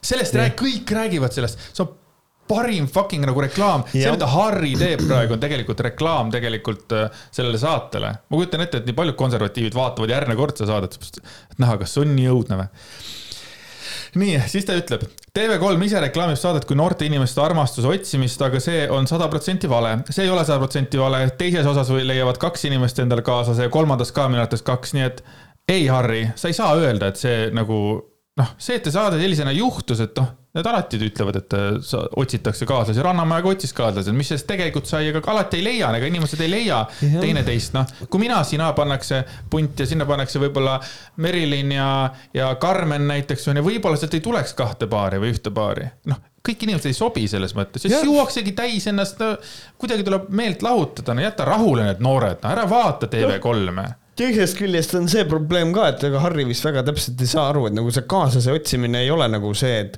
üks asi on ühe suhte otsimine, mis on ka tähendab, et sul on noh, ühe, ühe suhteid on väga raske teha niimoodi, et sul ei ole kaaslast. ja et, et noh, me ei räägi nüüd seda, et need inimesed peavad sealt leidma endale abielumaterjali, vaid nagu seda, et nad lihtsalt on mingi aja koos, proovivad üksteisega või, või, või mida iganes, et inimestena kasvada ja aru saada, mida nad tegelikult tahavad elult. True. Boom, sorry. Boom Äh, Harri jätkab, armastusega pole saates üldse midagi ühist, tegemist on kõige labasema joomapeo pikajäädvustusega, olgu lisatud, et joomarluse varjamatu propageerimine peaks olema telekas välistatud, teles välistatud, ma ei tea, kas on või ei ole. seal on äh, mingid shade'id äh, arejad vist või? seal on põhimõtteliselt jah, seal on nagu niimoodi, et alkoholireklaam on keelatud, aga kui sul on sellises kontekstis alkohol, siis, siis, siis on okei okay aga noh, tema räägibki sellest, et vist ei tohiks olla, et me peaks kasvatama lapsi teadvuses, et alkoholi ei ole olemas mm. -hmm. et ilmselt äh,, siis mis, mis lapsi, see on suht hilja eetris ka, et. No, ja siis jätkab ta. mul on kahju saates eri, esinevatest inimestest, nad on meelitatud ja äh, asetatud olustikku, mis on neile täiesti võõras ja mida nad ei kontrolli äh,. vot nüüd, nüüd ma kasutaks äh, tegelikult äkki isegi Kassi ja, ja, ja Krisi sõnu, et tegelikult, et et, et piltlikult öeldes on ikkagi nad ise süüdi. selles mõttes, et noh, tunnistagem ausalt, see, kes läks sinna saatesse, tema kirjutas alla lepingule ja lepingus olid suure, suure nagu tõenäosusega ma spekuleerin kirjas ka see, et, et äh, pannakse kokku ikkagi see nagu, et noh, nemad lihtsalt kirjutavad alla, et nemad seal osalevad ja kokku lugu ja annavad kõik jahid. Nad ise läksid, keegi kedagi ei ole sundinud, ma arvan. Kalvi Kallega ma ei tea, äkki ta sai kaks aastat vähem, ma ei tea. ma kujutan ette, Kalvi Kalle sai pappi, et sa saates olla. aga, aga see on nagu hästi tobe, et nad on meelitatud. puts ei ole meelitatud. jah, et noh, seal on ikkagi see, et mul on nagu suht, äh, suht selline arusaam, et kui TV3 otsib kohtumis äh, suhtesaatesse äh, inimesi, siis sa tead väga hästi, kuhu sa lähed, kui sa sinna casting ule lähed nagu. et see peaks olema küll minu arust täiesti selline, küll jah, võib-olla, aga samas lugege leping ka põhjalikult läbi ja küsige produtsendi käest, et mis, mis saates tehakse ja et nagu tundke huvi, kuhu te lähete, et selles mm. mõttes seda küll, aga päris nimetada, et nagu siin oleks mingisugune, et tule, tule, tule ja siis ma kahtlen selle, selles asjas väga saatemeeskond eksponeerib seejuures halastamatult nende joobes öeldut ja tehtud ja kohati on see otseselt rõve ja kuritegelik. inimese peksmist saates ei saa teisiti hinnata. selle jäädvustamine ja näitamine kogu rahvale kui armastuse otsimist on saatemeeskonna ja kanali juhtide poolt täiesti absurdne ja vastutustundetu. no siin kohapeal tahaks üldiselt vastu vaielda sellele, et esiteks kuritegelik see ei ole, sest et kui mingi asi on kuritegelik, siis saab inimesi karistada selle eest, võtta reaalselt vastutusele, mida antud kontekstis teha ei saa, sest et kõik on seaduslik vägivalla näitamine ei saa olla kuritegelik, sellepärast et eriti siis ei tohiks ühtegi dokumentaali võib-olla näidata, kus on natukenegi vägivalda. ja mul on tunne, et. isegi filmi vist ei saa, on ju. ja isegi filmi ei saa ja, ja siis me jõuame isegi tegelikult veel, veel sinna ka, et Eh, on vastutustunnetu, et näidata seda rahvale kui armastuse otsimist, on see, et ei, armastuse otsimisega võivad kaasneda sellise saate ja alkoholi tarbimise kontekstis sellised asjad, et selles mõttes see on suhteliselt väga hea antropoloogiline uurimus, kuidas inimesed käituvad. et selles mm -hmm. mõttes Harri Kingo on kuskil väga põõsas kinni praegu mul on pisuke hirm nende saates osalevate noorte pärast meenus, et kui kunagi oli mingi telekanali ekraanil samalaadne tõsielu seriaal, kus üks neiu oli päris joomane ja oma käitumises juba kontrollimatu, juhtus tragöödia, kui see neiu ennast hiljem sellises olekus ekraanil nägi, valis ta edasi elamise asemel vaba surma. ju oli häbi sedavõrd suur, ka siis oli see saatemeeskond, kes ta sellisesse olukorda asetas ja seda neiu armetut olukorda rahvale näitas. tagajärg oli noore meeleheitel inimese surm ja selles mõttes, et see on, see on muidugi väga kurb. huvi pärast ma oleks tahtnud, et oleks öelnud ka, kus, mis saatest see jutt käib, et kes äh, meenus, et kunagi oli mingi telekanali ekraanil samalaadne sõsielu seriaal, see on nii palju ehkusid. meenus, et kunagi oli mingi teleekraani buss samalaadne, kes suri sealt ära? kes ennast Nele. ära tappis? Nele. Nele tappis ennast ära sellepärast või? ma ei ole kindel. põhimõtteliselt siin oli, mulle nagu koidab, et see oli, kas see oli Nele, bussi, minu arust see oli bussis, ma tahtsin alguses öelda baar, aga see oli. Baarist läks järjest inimesi. baarist läks äh, neid järjest, aga see peaks bussi äh,. baarist läks esimeses läks Talis, aga see ei olnud enesetapp ja, ja, ja teises mm -hmm. osas oli Tõnis suri ära, ma mäletan, aga buss, kas sa teed käiku kiire, kiire, kiire guugeldamise? jaa, juba ma leidsin ka midagi. ma hea meelega tegelikult tahaks olla kindel nagu, et. jah, bussis Nele Iisak hüppas vaatetornist alla. nii?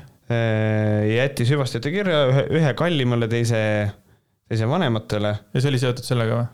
ja mulle tundub, et ei olnud mm. -hmm. et põhjus oli isiklike suhete pinnalt okay.. et, ähm, et ma no see, ei tea. see on igal juhul on nagu selles mõttes, et äh, see on väga hull ja ma loodan, et seda ei juhtu, aga me ei, noh, mis me siis nagu, mis siis nagu tegema peaks ka tele teleproduktsioonifirma või see?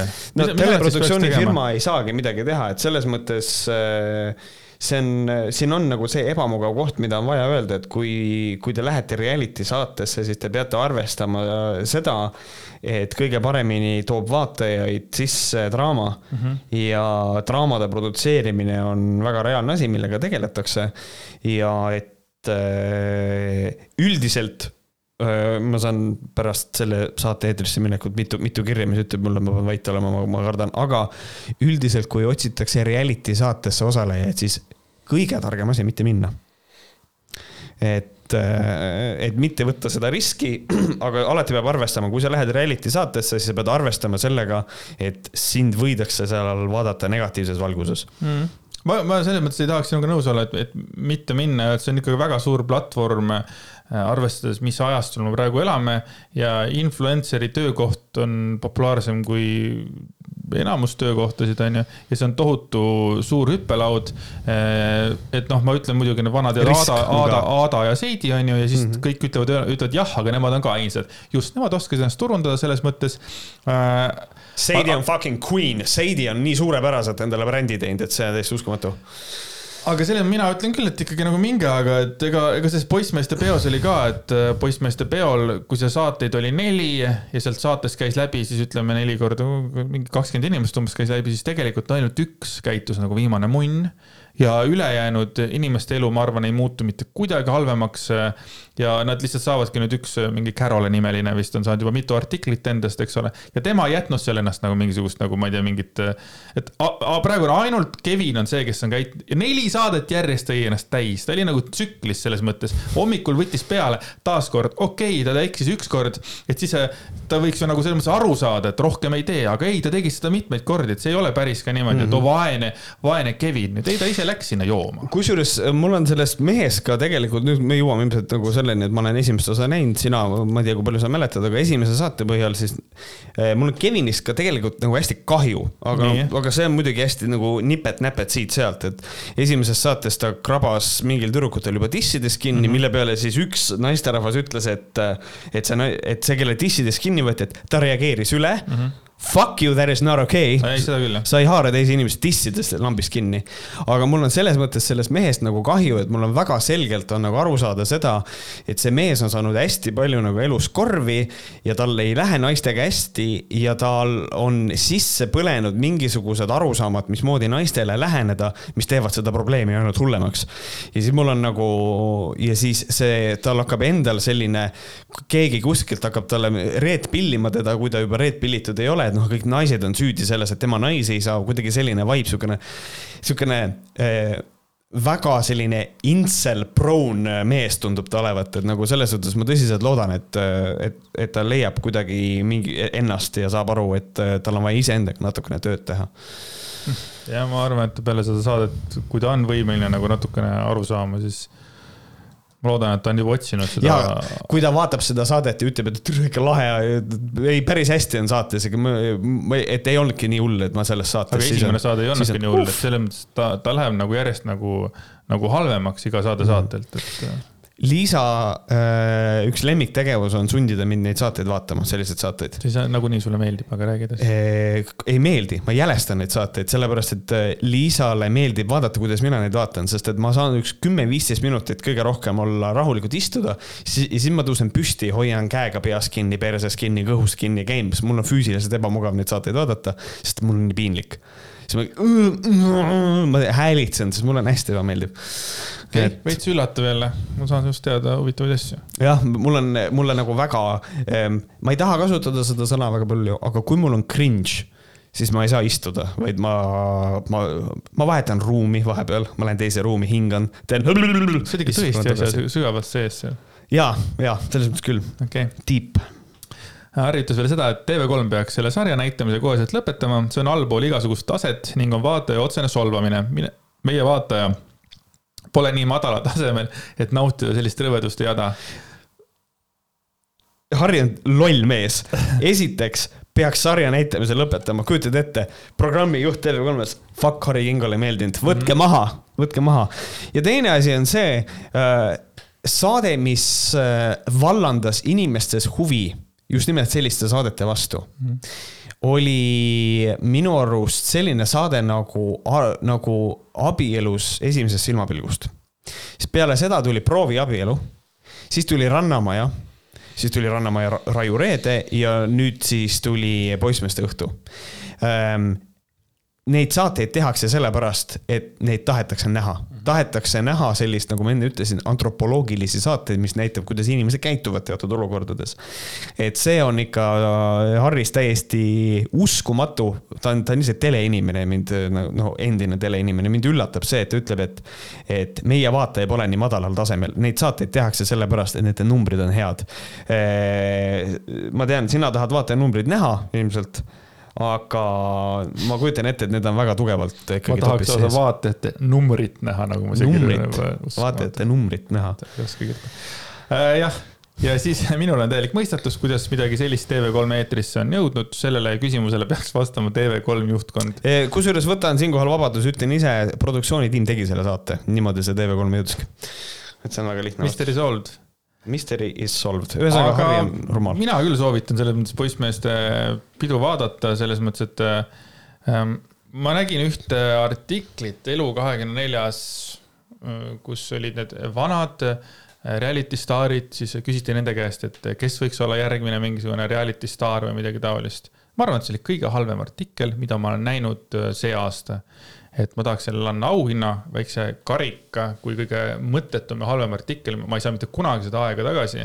see oli tõeliselt halb, sest esiteks reality staarid, kes sinna olid võetud, ei olnud, mõned ei olnud isegi reality staarid. see jutt, mis nad seal rääkisid, kõik oli nii täiesti mõttetu nagu, et see oli nagu kohutav. seksi Kristi ei olnud jah? seksi Kristit ei olnud, aga see oli lihtsalt väga halb artikkel nii, oleme ühest äh, rumalusest rääkinud, räägime siis teisest rumalusest veel. jah, miks on see nüüd peale seda, sellepärast et Kevin on rassist ja nüüd me hakkame. jah, just, et selline inimene nagu Mari-Liis Kajari mm -hmm. äh, kirjutas sellise postituse. ja nii ongi Tallinnas, ma olen ilus, hästi lõhnav, puhas ja terve. ma olen läbinud organismi puhastused, mu immuunsüsteem on tugev. ma olen viisakas, tark arukas, eetiline ja heade kommetega lihtsalt see, lihtsalt knowing what's coming, see on nii naljakas.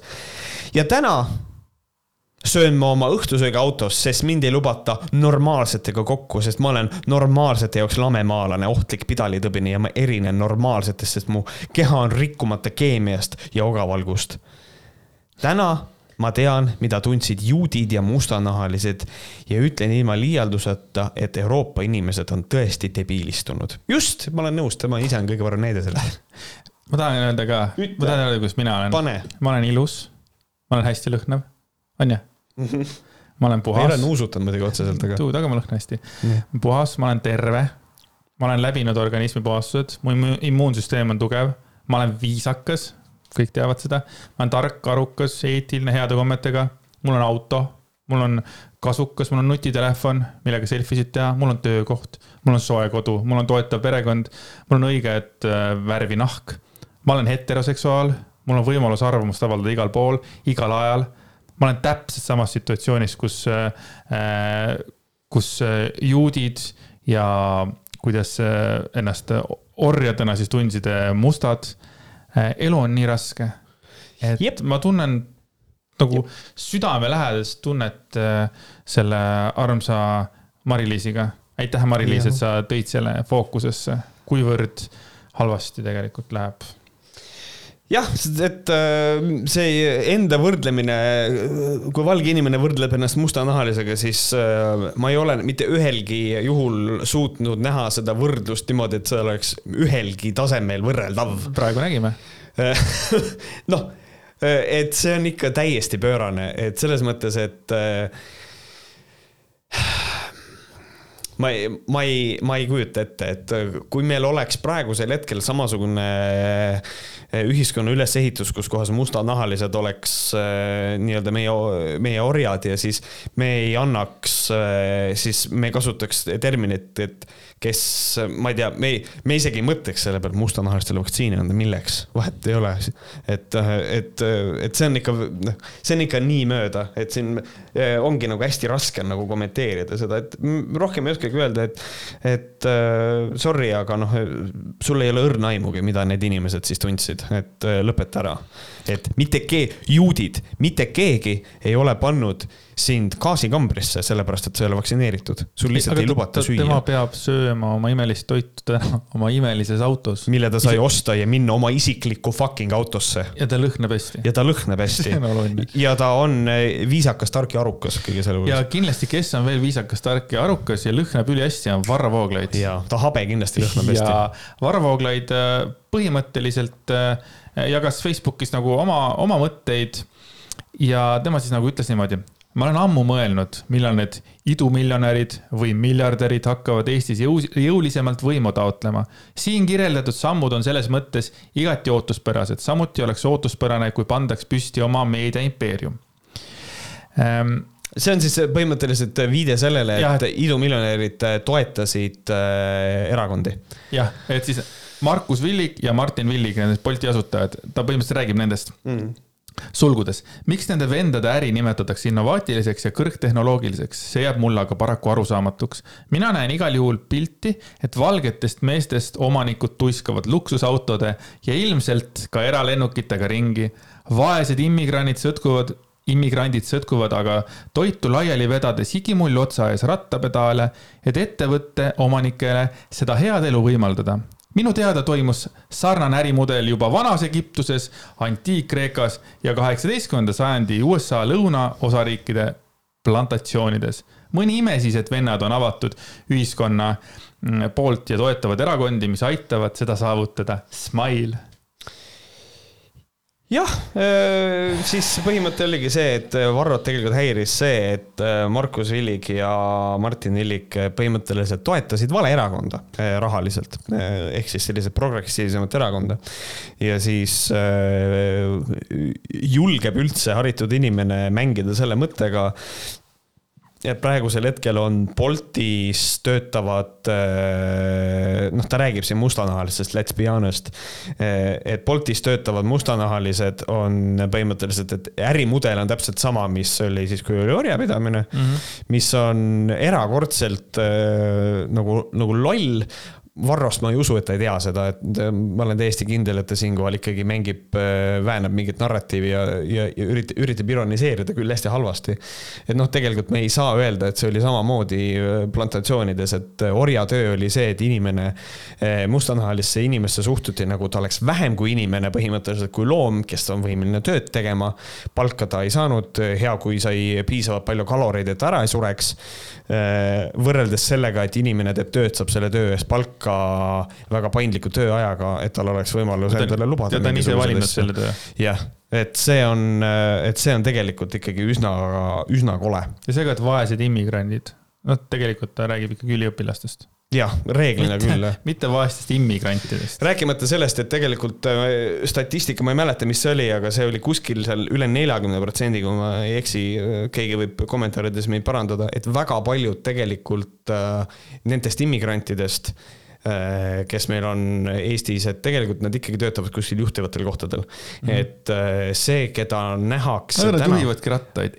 juhivad rattaid just, aga et nad tegelikult on, äh, need, keda nähakse tänaval, neid on suhteliselt vähe ja, ja tihtipeale see on nagu low-key racist, aga nagu see on, see on tõsiasi, et kui sa oled valge keskealine mees siis sinu arvates on kõik mustanahalised ühte nägu ja sa arvad, et, äh, et neid on hästi palju, aga tegelikult sa oled võib-olla ühe päeva jooksul seda ühte inimest näinud edasi-tagasi sõitmas. et siin on vaja nagu sellest ka aru saada, et ühesõnaga nähakse väga väikest kontingenti tegelikult. ja, ja siis, kui sa näed, et sõidab Wolti või Bolti rattaga, sõidab valge inimene, siis sa ei tee väljagi, et noh, siin on nagu see asi ka. absoluutselt, jah, väga, igatahes tore on, et võrreldakse viimasel ajal hästi palju, ehk siis hetkel kaks korda. kuidagi on jälle moes. orjadega nagu siin praegust ja. mingisugust äh, elukorraldust nagu.. mul on nii raske, ma ei, ma ei või laua taga süüa, küll aga ma võin süüa oma isiklikus autos, mille ma olen käinud tööl ja selle ise teeninud ja, ja olen endale auto ostnud ja, ja, ja saan iseendale siiski järjekorras seistes toidu osta ja minna seda autosse sööma. Oh my god, mind, mind niimoodi diskrimineeritakse, fuck you aga keda ei diskrimineerita, on kõik Eesti inimesed, sellepärast et vaktsiinipassi ei küsita valimistel jah, ei küsita vaktsiinipassi, ei pea maski ka kandma, äh, mis tekitas wow., mis tekitas inimestes äh, küsimuse, et miks see nii on, aga see on nüüd see koht, kus kohas ma tõstan kaks kätt üles, ütlen, laske inimestel siis hääletada, et tõenäoliselt viirus levib, aga no türa noh.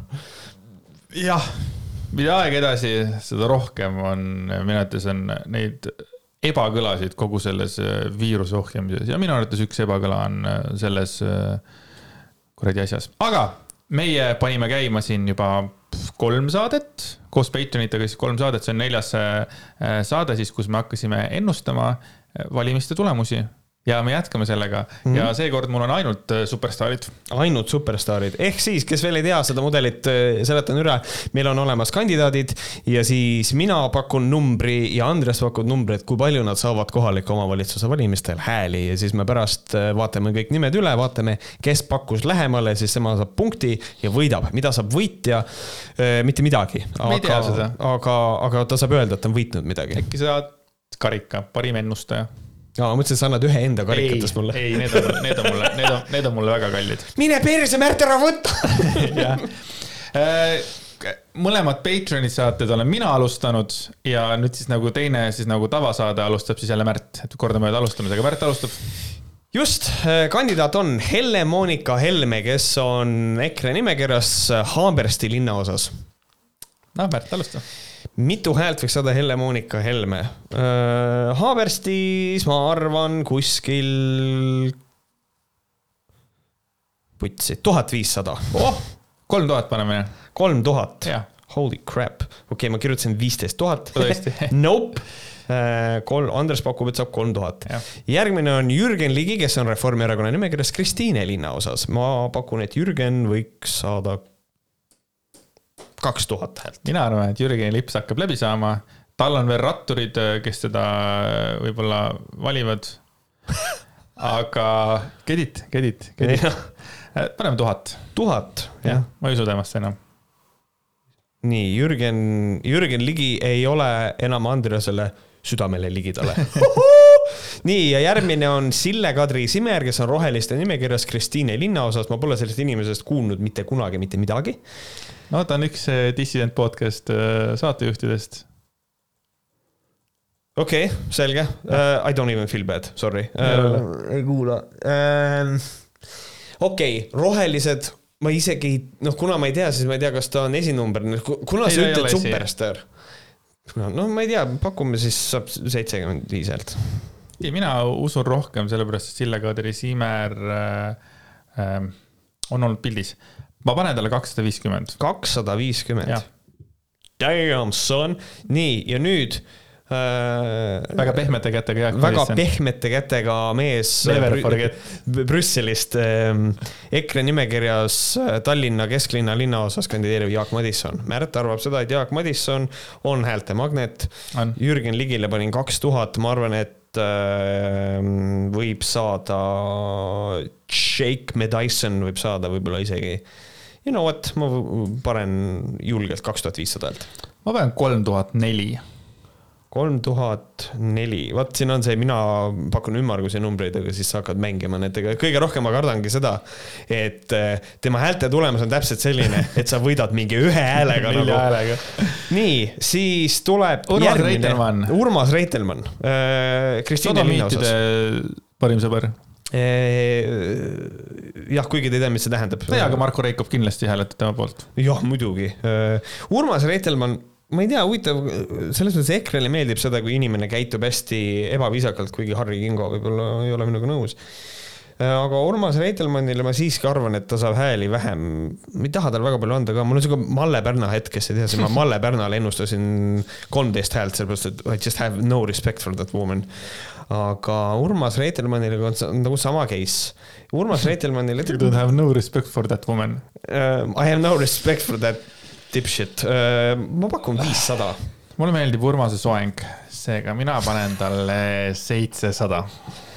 seitsesada. tead, Urmas Reitelmann saab viissada kaks häält, ma ütlen, ma, ma teen ühe korraga selle asja ära. et ma panen kaks häält, who knows. Jüri Ratas, Ratas., Mustamäe, Keskerakond. No Jüri Ratasele kurat, sa panid äh, Helle-Moonikule kolm tuhat, ma, Jüri Ratas, ma ei tea, Kesk-Mustamäel, seal on valijaid. tere, ta on nii suur, ma ei, ma isegi ei tea seda numbrit, mis ta. kas sa teed ta kehast, keha üle nalja või? sa ütlesid, tere, ta on nii suur selles mõttes Mihhail Kõlvarti puhul, kui ta seal oli selle pildi peal, jah, ta oli suuremapoolsem mm -hmm. füüsiliselt. Jüri Ratas. Kõlvart oli ript kõrvad oli ript. Äh, Jüri ma panen Jüri Ratasele neli tuhat. sa paned neli tuhat? ma, ma tean seda, et neli tuhat on väga palju, aga ma ei tea. no ma panen siis viis tuhat kaheksa. viis tuhat kaheksa. täna me paneme muide üsna lähedale tuhandeste vahedega jälle. jah. Meeli Lepson. Vaba Eesti Valimisliit, Nõmme linnaosa, kõik nõmmekad, te teate, keda äh, valida. Palun ma ei mäleta, palju ma olen teistele Vabaerakonna tüüdidele pannud, äh, palju võiks saada Meeli Lepson. aga mina panin Tainer Rüütmanile ühe, ühe vist. ühe, vist oli jah. et nagu Meeli Lepson ilmselt, äh, kuna ta on ikkagi vastavalt oma ametile, ma arvan, et ta suudab õlitada neid hammasarteid, et endale saada hääli juurde, siis äh, no ütleme, et tegelikult on täitsa võimalik, et üks viiskümmend häält võib isegi saada. Vau, okei, nüüd mina amazing sind. kuussada minge putsi, kui sul on õigus, ei, ma loodan, et mul ei ole õigus, ma loodan, et sul on õigus. saad aru, Andres, kui ta saab nüüd see, kui ta, ütleme, et ta saab viissada nelikümmend viis häält siis on lihtsalt äh, konkreetselt hakkame asju pakkima. miks? sest et äh, Vaba äh, Eesti Valimisliidul ongi umbes kaks nime, keda tuntakse. üks neist on Edgar Savisaar, kes saab umbes kakssada häält ja Meeli Lepson, kes saab umbes kuussada häält. Nad saavad kokku umbes kaheksasada neli häält, võib-olla keegi saab veel, onju. see on null koma null null null null üks protsent äh, Eestimaa ja Tallinna ja kõikide asjadest. ei, siin ei juhtu ei. midagi. nii, Margust Tsahkna äh, Eesti kakssada, äh, poliitik, kelle poolt mina ei hääletaks mitte kunagi. sest tegu on minu arust inimesega, kes ma ei ole päris kind-, ma päris täpselt ei saa aru, inim-, ta on sõitnud ühest erakonnast teise, nüüd ta on Eesti kahesajas, mul ei, ma ei tea, aga ma ei tea, kas ta püüab praegu hääli ka või, sest et ta pole väga kaua midagi teinud. Nõmme linnaosas Meeli Lepsonile astub vastu, ma tahaks oletada, et ta saab, tead, ma panen talle kuussada. pane. Meeli Lepsonile vastukaaluks, mis sa arvad, palju Tsahkna saab? mul on kahetsed tunded Eesti kahesaja vastu. ma tean, et ta meeldib sulle ja mulle meeldib ta nagu ka aga kui ma vaatan valimisnimekirju ja seal umbes nagu neli või viis nime, kes tegelikult nagu erutavad ja, ja, ja ma kujutan ette, et vali-, Eesti kahesaja läheb ülisitasti. see on minu ennustus. ma arvan, et ka Tsahkna läheb ülisitasti. panen talle nelisada häält. nelisada, mhm. okei. ja Tsahklane nelisada häält selge, sellised on siis meie ennustused. ma kujutan ette mingid, kes elavad nendes linnaosades ja teavad neid numbreid, kui palju on üldse võimalik linnaosas saada, lihtsalt hoiavad kahe käega peas kinni. ei tea mitte midagi. ja Margus Tsahkna selles mõttes, et ma ei tea, kas ta enam suitsetab, aga ma olen teda ükskord oma elus näinud ja siis ta kõhvis suitsu seal äh, kuradi mingi ülikooli ees. ja mul oli nii veider vaadata, ma kujutasin ette, et ta on mingi härrasmees, aga ei, tavaline suitsupoiss nii, ja mulle Suitsu tundub, et nüüd me võime siis, oleme nüüd valimistest hääli pakkunud ja siis ma mõtlen, et võib-olla räägime siis võib-olla saate lõpetuseks ühest häälekast äh, valijast. äh, mis siis leidis aset Tartus, mis on, kahju, et ma ilma jäin, sest et ma kõndisin sealt lähedalt mööda. ehk siis. heade mõtete linn ikkagi Tartu heade mõtete linn, reformierakondlased tegid seal oma seda propagandat või noh, valimisagitatsiooni kuhu nemad panid oma bussi ilusasti ülesse ja siis ühel hetkel sõitis sinna kõrvale kuskilt ilmus välja ka sotsiaaldemokraadid, aga me ei taha sellest rääkida, vaid me tahame rääkida ühest fucking bussijuhist, kes sõitis siis, kuna see oli Kaubamaja juures, Kaubamaja juures on bussipeatus buss peatus ilusasti sinna peatusesse. ja bussijuht väljus bussist, läks Reformierakonna, läks Reformierakonna bussi juurde, aga mitte bussiga sõita vaid et sõimata Reformierakonna poliitikuid. ja kui ma õigesti mäletan, siis ta vist üritas kedagi jalaga lüüa või vabandust, müksata. et, äh, et seal inimene.... ei, ta jätkas peaministri ähvardamisega ja vehkis inimeste suunas kätega. aa ah, jah, seejärel proovis äh, Andrus Punti jalaga tabada, sul oli õigus, vabandust. et ikkagi äh, sihukene vägivaldne ja siis ta käis ja vehkis selle seal ära ja ju ta siis tunnetas, et ah, graafik jookseb ja läks bussi tagasi. siis tehti temast pilt ja sõitis edasi ja mulle meeldib see, et on nagu välja toodud see ka, et, et bussireisijad olid hämmingus ka mis, mis ei tule mulle. läheb närvi ja läheb lihtsalt jalaga lööma kedagi. kujuta ette, tahad sõita, see buss minu arust sõitis äh, Tartust siis Kaubamajast Lõunakeskuse poole, et mõtled, et sõidad bussiga lõunakasse nagu istud bussi peale, bussilt läheb lihtsalt järs, järsku välja, vaatad eemale, siis ta läheb, klohmib reformierakondlasi, siis tuleb tagasi ja sõidab rahulikult edasi. siin on lause, et kampaania nänni täis korv päästis löögist oleme kõik õnneks terved, mis tähendab, et ta pani arvatavasti millegi vastu. kampaania, kampaania nänni poolt mingid kuradi pastakad. mingid elkurid ja pastakaid lendas ja siis, issand jumal, see on, ikka, ma tahaks, et keegi teeks sellest mingi sketši ka nagu. kuradi, tulete siia, laraki lendab mingi tärki. ma mõtlen, mis sellest bussist sai, kas ta nagu jäeti nagu tööle? ma ei usu, ma arvan, et see on üsna suur mainekahju, et äh, selline inimene tööl on, et ma arvan, et ta ikkagi lasti lahti. kusjuures mina, keegi ütles mulle seda striimi filmi ajal, et sihukene asi leidis aset. ja ma mõtlesin, et Reformierakond tuli sinna oma bussiga, onju. siis ma mõtlesin, et see oleks ülinaljakas, kui nüüd järsku keset kampaaniat Reformierakonna bussijuht mõtles türa, mida ma teen siin ja lihtsalt hakkas järsku klohmima nagu, nagu kohalikke. kõigepealt ühele teisele, aga ei, see oli ikkagi linnaliini bussi, linnaliini bussijuht, et see on sihuke. ja see pull oli selles, et neid reformierakondlasi oli kümme tükki tekkis kõik laiali raisk. ja siis oh. see bussijuht siis tegelikult hakkas nagu peaministri suunas seda viha nagu valama, aga peaministrist seal ei olnud, ma nagu aru saan. et see oli Kaja Kallase pildiga kampaaniabuss onju ja siis see, see bussijuht uuris kogu aeg, et kas Kaja Kallas on ka seal ja siis jätkas peaministri ähvardamisega ja vehkis inimeste suunas kätega ja siis proovis talaga tabada. põhimõtteliselt mina, mina millegipärast kujutan seda endale ette palju naljakamalt, kui see ilmselt tegelikult oli. siis mina kujutan seda asja endale niimoodi ette, et ta läks sinna ja siis ta vaata selle bussi peal, selle bussi külje peal on Kaja Kallase pilt ja siis ma kujutan ette, et ta hakkas oma seda juttu, ta hakkas selle pildiga rääkima ja hakkas selle pildi suunas vehkima ja küsis teiste käest, kas Kaja nagu välja ka tuleb, et Kaja ei ole siin ja siis ta lihtsalt hakkas kätega niimoodi vehkima igasse suunda ja siis jalgadega ka ja siis ühel hetkel ta tabas seda korvi, et ta oli lihtsalt hästi äh, nagu hästi äh, liimist lahti mees, ma loodan, et ta saab abi ja tal on kõik korras. -hmm. et aga selles mõttes äh, suhteliselt crazy, et mina käisin sealt mingil ajal mööda, siis mingit vehkimist ei olnud, natukene on kahju oleks tahtnud ka näha, oleks saanud võib-olla eh, vahele minna ja siis mine tea, võib-olla oleks pakutud Reformierakonnas kohta isegi. iseenesest ikkagi väga inetu lugu, et äh, isegi rahulikult ei saa valimiskampaaniat teha. Yeah aga see kogu see valimiskampaania nagu idiootsus, minu küsimus on see, kuna see lollus ära lõpeb, selles mõttes, et ma tahaks teada päriselt ühte inimest, kas keegi teab kedagi,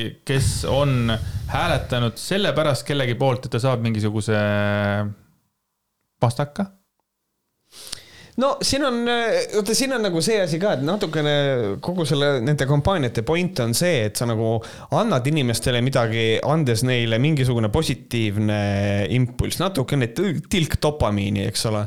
ja siis võib-olla sul ongi see, et kurat, ma ei tea, ma olen nagu kahe vahel ja siis vaatad laua peal oma Reformierakonna pastakat ja mõtled, et noh samas ja siis hääletada Reformierakonna poolt, et ma kujutan ette, et tegelikult neid asju ei jagataks sellepärast, et no ikkagi äh, Äh, ma kujutan ette, on tehtud uuringuid ja, ja selle taga on mingi psühholoogiline mingi asi. pallid ja kuradi asjad ja, ja. minu jaoks on nagu veider see, et EKRE teeb sedasama asja nagu. Äh, noh, muidugi EKRE teebki kõiki asju, mis on nagu popu-, populaarne, aga see, see kuidagi nagu lörtsib nagu kuidagi. see, see olen mina lihtsalt peale, ma lähen nagu närvi, kui ma näen selle Selveri juures, näen Reformierakonna seda suurt telki kollast onju ja siis mingi Margus Hanson, eks ole, ajab seal kõigiga juttu, viskab pastaka, mul läheb süda, ma, ma ei, ma ei hääleta nagu, ma nüüd ma põhimõtte pärast ei hääleta, sest ma nägin seda telki. tähendab, ma täna hääletan, aga mitte Reformierakonna poolt, juba telgi nägemise pärast. no vot, siin ongi, äh, minul, mina võtan kohe nagu selle suuna, et, äh, et need on inimesed, kes ikkagi seisavad nagu selle eest, et me tahame Eestis midagi teha ja me teeme selle nimel kampaaniat, et näidata, et me tahame saada hääli. sest et kui me, kui nende poolt hääletatakse, hääletatakse, siis nad saavad midagi reaalselt ära teha, et üldiselt mul ei ole valimiskampaania vastu nagu otseselt mitte midagi. minul on ma olen üks võel vanamees, kuri vanamees ja ma olen nii närvi nende kuradi. ma, ma, vaata, ma läheks lööks ka, ma olen samasugune, ma lähen oma autoga lähen. igaks juhuks, igaks juhuks, ega sa ei ole bussijuht? ei ole see oleks muidugi tore, kui tuleks välja, Andres oli see. et selles mõttes ei, ma leian, et valimiskampaania tegemine on demokraatiale väga vajalik asi, et äh, kuidagi teistmoodi ma ei kujuta ette. siis tulgu välja ka kuu aja pärast, järgmine kuu ka ja olgu kogu aeg seal väljas ja rääkige oma valijatega, aga ei. aga, vali, aga, valim... aga kus siis on, noh? valimisagitatsioon on keelatud siis teistel aegadel, sest et kui oleks lubatud, siis oleks konkreetselt äh,. valijatega kohtumine väga lubatud, mis sa seletad? no valijatega kohtumine on nagu teistsugune üritus. ei ole, paneme Reformierakonna kuradi. avalikus kohas telki üles panna ei tohi. ei tohi või? kindel? täiesti mm või on, või on valimisagitatsioon, oota ei, aga see tähendaks seda, et Reformierakond või tähendab, mis iganes erakond kulutaks, ei vist on lubatud, valimisagitatsioon on keelatud vist äh, mingitel, nüüd vist on, ühesõnaga valimispäeval vist ei tohi olla, aga miks erakond peaks oma raha kulutama lihtsalt selle peale, et panna kuskile mingi telk välja, mis Andres Jäägri närvi jääb? siin on nagu see küsimus tekib ka, et nagu erakonnal on vaja oma raha kuskile paremasse kohta ka panna. mina annaksin küll oma hääle hoopis sellele inimesele, kes suudaks äh, igapäevaselt või igakuuselt olla seal ja kuulata inimeste kurbasid lugusid, kasvõi korra päevaski olla oma telgiga ja kuulata inimesi. nojah, kes teab, kui palju sellest selle, selle, sellest kasu on, aga jah, võib-olla. kurat, ma pean nüüd vaatama ja jälgima, millal on valimisagitatsioon lubatud, millal ei ole, sest et see on tegelikult huvitav teema. aga ühe korra me saame veel äh, oma ennustusi teha ja siis ongi see päev käes. jah, sest et valimispäev on seitsmeteistkümnes oktoober. eelhääletamine toimub üksteist kuni kuusteist vist, kui ma ei eksi. et äh, seda ma ei tea. et siis vist on nagu see on eelhääletamise periood ja siis tahan on... veel ennustada. ma tahan veel ennustada. ma Nii. ennustan, et äh, ma olen äh, allunud selle provokatsioonile, ma pakun, et EKRE võidab need korralikult, seepärast neil on väga tugevad äh, valimisnimekirjad. ma kujutan ette, et EKRE võidab, Reform jääb teiseks ja ma arvan, et Kesk on peaaegu Reformil järel ja siis on, siis on Isamaa. Siis Isamaal on väga palju äh, tuntud nägusid, ma arvan, kõik on ära unustanud, et Heli- Helir-Valdor Seeder on täielik imbetsill, onju. aga selles mõttes, et nagu, kui sa näed, et see mingi Tõnis Lukas või on, siis see hääl tuleb sinna ja Eesti kahesajale sotsidel läheb ülisitasti ja rohelised, ma väga tahaks nende poolt küll valida, aga ma arvan, et nad ei saa üle mitte mingi Rohelised on- finnise. on endiselt, rohelised on endiselt juuretasemel. Et mina arvan seda, et üldiselt valimiste võitjaks, ma arvan, satub Reformierakond mm. -hmm. ma arvan, et EKRE on, ma arvan seda, et EKRE valimistulemuste baasil jääb kolmandaks ikkagi ma arvan, et selles vallas ei muutu mitte midagi. et minu ennustus on vähemalt praegusel hetkel on, ma, ma võin endale võib-olla võtta õiguse ennast parandada veel järgmises saates, mis me teeme. aga ma arvan seda, et see on niimoodi, et on Ref, Kesk, EKRE, Eesti kakssada. aga kas sa arvan, nimekirja oled vaadanud nagu sügavamalt veitsa või? Ehm, sügavamalt nimekirju ei ole, okei, ei ole. et see on. ühel meist on suure tõenäosusega õigus, kui Kesk ei võida nüüd. ja kuigi nüüd tuleb, mis, mis tähendaks, et meil on öö, õigus, et Eesti või tähendab, meil ei ole kummalgi õigus, on see, et sotsid panevad kinni, Eesti kakssada on teine, rohelised on kolmandad, ref ei saa üldse hääli, see oleks, kui me kaotame. kusjuures mulle meeldiks see sinu see, see sotsid võidavad Eesti kakssada teine ja rohelised kolmandad, noh. see top kolm mulle meeldiks. ma, Martin Helme situks täis ennast, kui niisugune asi juhtuks, ta lihtsalt konkreetselt teeks seda avalikult meelega. ma arvan, see on, sest et see oleks lihtsalt täiesti nonsense, et niisugune asi Eestis juhtuks, aga jah. ja siis ta ütleb, et kui on must, näita ust. ma ei tea, noh jah, et mul, sorry, ma näitan praegu ust ja siis midagi siukest, et ma kujutan ette, et, et see on hea. aga minu ennustus on üsna, kuidas ma ütleks, konservatiivne selles mõttes, et ma kujutan ette, et asjad lähevad nii, nagu nad on siiamaani läinud. Et kuskilt need, kuidas, siukses kürokambris jäätunud Reformierakonna valijad eh, valimispäeval ärkavad üles, lähevad hääletama. ja see on äh, ka veider, et see korra stream'is ka vist keegi mainis seda, et, et see Tartu valimisliit on nagu hästi veider, et nad ajavad ainult seda ühte äh, oma selle Süku teemat, onju. jah, ja nüüd nad kandideerivad ka Eesti kahesaja nimekirjas, eks nii Tanel Tein kui äh, teised vennad, onju. ja, ja mul on ka veits nagu, on nagu kõrini sellest, et, et ma küll ei elanud Tartus, aga kui ma veel elasin Tartus, onju, siis see on, see on mul top neljasaja kolmekümne kaheksas probleem, see Süku. mul on Jah. täpselt nelisada kolmkümmend kaheksa probleemi enne seda, mis mul on oluline, mis Tartus toimuks või mis minu elus või, või mis iganes see on, et minu jaoks on see ka väga veider. ma saan aru, et nad on nagu Nad teevad teadlikult, neil on üks kindel asi, mida nad ajavad. valimisliit mm, -hmm. neil on mingi kindel lubadus, eelmine kord oli see Arena, vaata Tartusse. jah, et neil on kindel asi, et ma nagu I get it, aga, aga mind see ei kõneta, et, et sihuke huvitav tähelepanek. ja mulle meeldis see mõte ka, mis äh, keegi mu striimis ütles, et kui Isamaa ütleb seda, et noh, Tartu on heade mõtete linn ja ta on tegelikult ikkagi kultuuri ja, ja nagu teaduse kants. Et siis see Isamaa ütleb seda, siis on, keegi ütles mul chatis väga ilusasti, väga naljaka mõtte, et see on tore, et Isamaa on otsustanud Reformierakonda niimoodi kiita, sest et see Reformierakond on kogu aeg võimul olnud. et see on selles mõttes, et äh, ma ei kujuta ette, mis peab juhtuma, et Tartus Reformierakonna võim langetada, et selles mõttes Urmas Klaas on tõenäoliselt jälle paneb, saab kõige rohkem hääli. aga sotsidel on ka mingi veider kampaania, nüüd see Gea Kangilaski Jah. Mingi reklaam, see, et ära vali trolli ja siis on see a la Ruuben Kaalepi stiilis pilt ja siis on mingi mass ja ma nagu. Kai Foxi mask jah. et mi, mis, nad nagu teevad nagu nüüd siis nagu, üritavad nagu siis nagu EKRE-t teha või, või meemida ma ei tea nagu on? ma ei tea ja mul on natukene kahju, et nad nagu, nagu selle tee on võtnud, aga mm, -hmm. aga noh, ma ei tea Sama.. selles mõttes äh, soov, soovin sotsidele nagu kõige paremat, aga, aga minu arust neil ei lähe hästi, ma ei ei, usu seda. kindlasti ei lähe. Hullult targad, tark pead oleme. hullud, me oleme ikka täielikult, täpselt teame me, me peame hakkama tegema eraldi valimissaadet, kus on lihtsalt geeniused, mitte võhkerid. aga ei, me, me, me siin suure suuga teeme siit suurt linna praegu, aga võib-olla tulevad tulemused ja siis me lihtsalt. palun vabandust, me olime väga ebaviisakad. et vä- väga mööda läks kõik, aga ei, me ei vabanda, me ei, me ei, me ei vabanda. aga me, milles me ka ei vabanda, on, on see, et meil on väga ägedad fännid suur,, suur-suur tänu teile, et te meie saateid kuulate ja mõned inimesed isegi vaatavad Youtube'is, sellepärast see kaamera seda praegu filmibki. kes ei tea, meil on olemas Patreon, kus kohas on võimalus meid toetada, kui toetamisega kaasnevad teatud, teatud plussid, üks nendest on lisasaade, mille nimi on Võhkarid patroonhääling, millele ligipääs on ainult läbi Patreoni suur tänu neile, kes juba on meie patroonid. Suur,, suur-suur tänu teile, www.patreon.com kaldkriips võhkarid, täpselt samamoodi on olemas meil meiliaadress, mis on Andresel läpaka peal kogu aeg olemas, mida ta on järjest, järjest suuremaks teinud, et see oleks loetav, mis on siis võhkarid, et gmail.com ja õ-tähe asemel on number kuus et kirjutage meile, äh, kirjutage kindlasti juurde ka, kas see on kiri, mida te tahate, et me ette loeme või siis mitte või ühesõnaga, kõik on läbirääkimiste küsimus. jah, tuleb ka siukest sisemist kraami, et ärge seda ette lugege, aga mul on sihuke informatsioon, vau, kui ma tahaks ette lugeda, ma tahaks ette lugeda. samas ma austan ikkagi meie kuulaja soovi. jah, et öö, äh, oleme saanud öö, huvitavaid asju teada ka. Äh, aga sellegipoolest suur-suur tänu teile äh, ja kohtume teiega järgmine kord ja järgmine kord juba on natukene meil saade nihkes, aga teate, mis asja, hakake meid jälgima, kas subscribe ige. Patreonis tulevad kõik saated, saadete nagu kuupäevad kohe varsti sinna ja.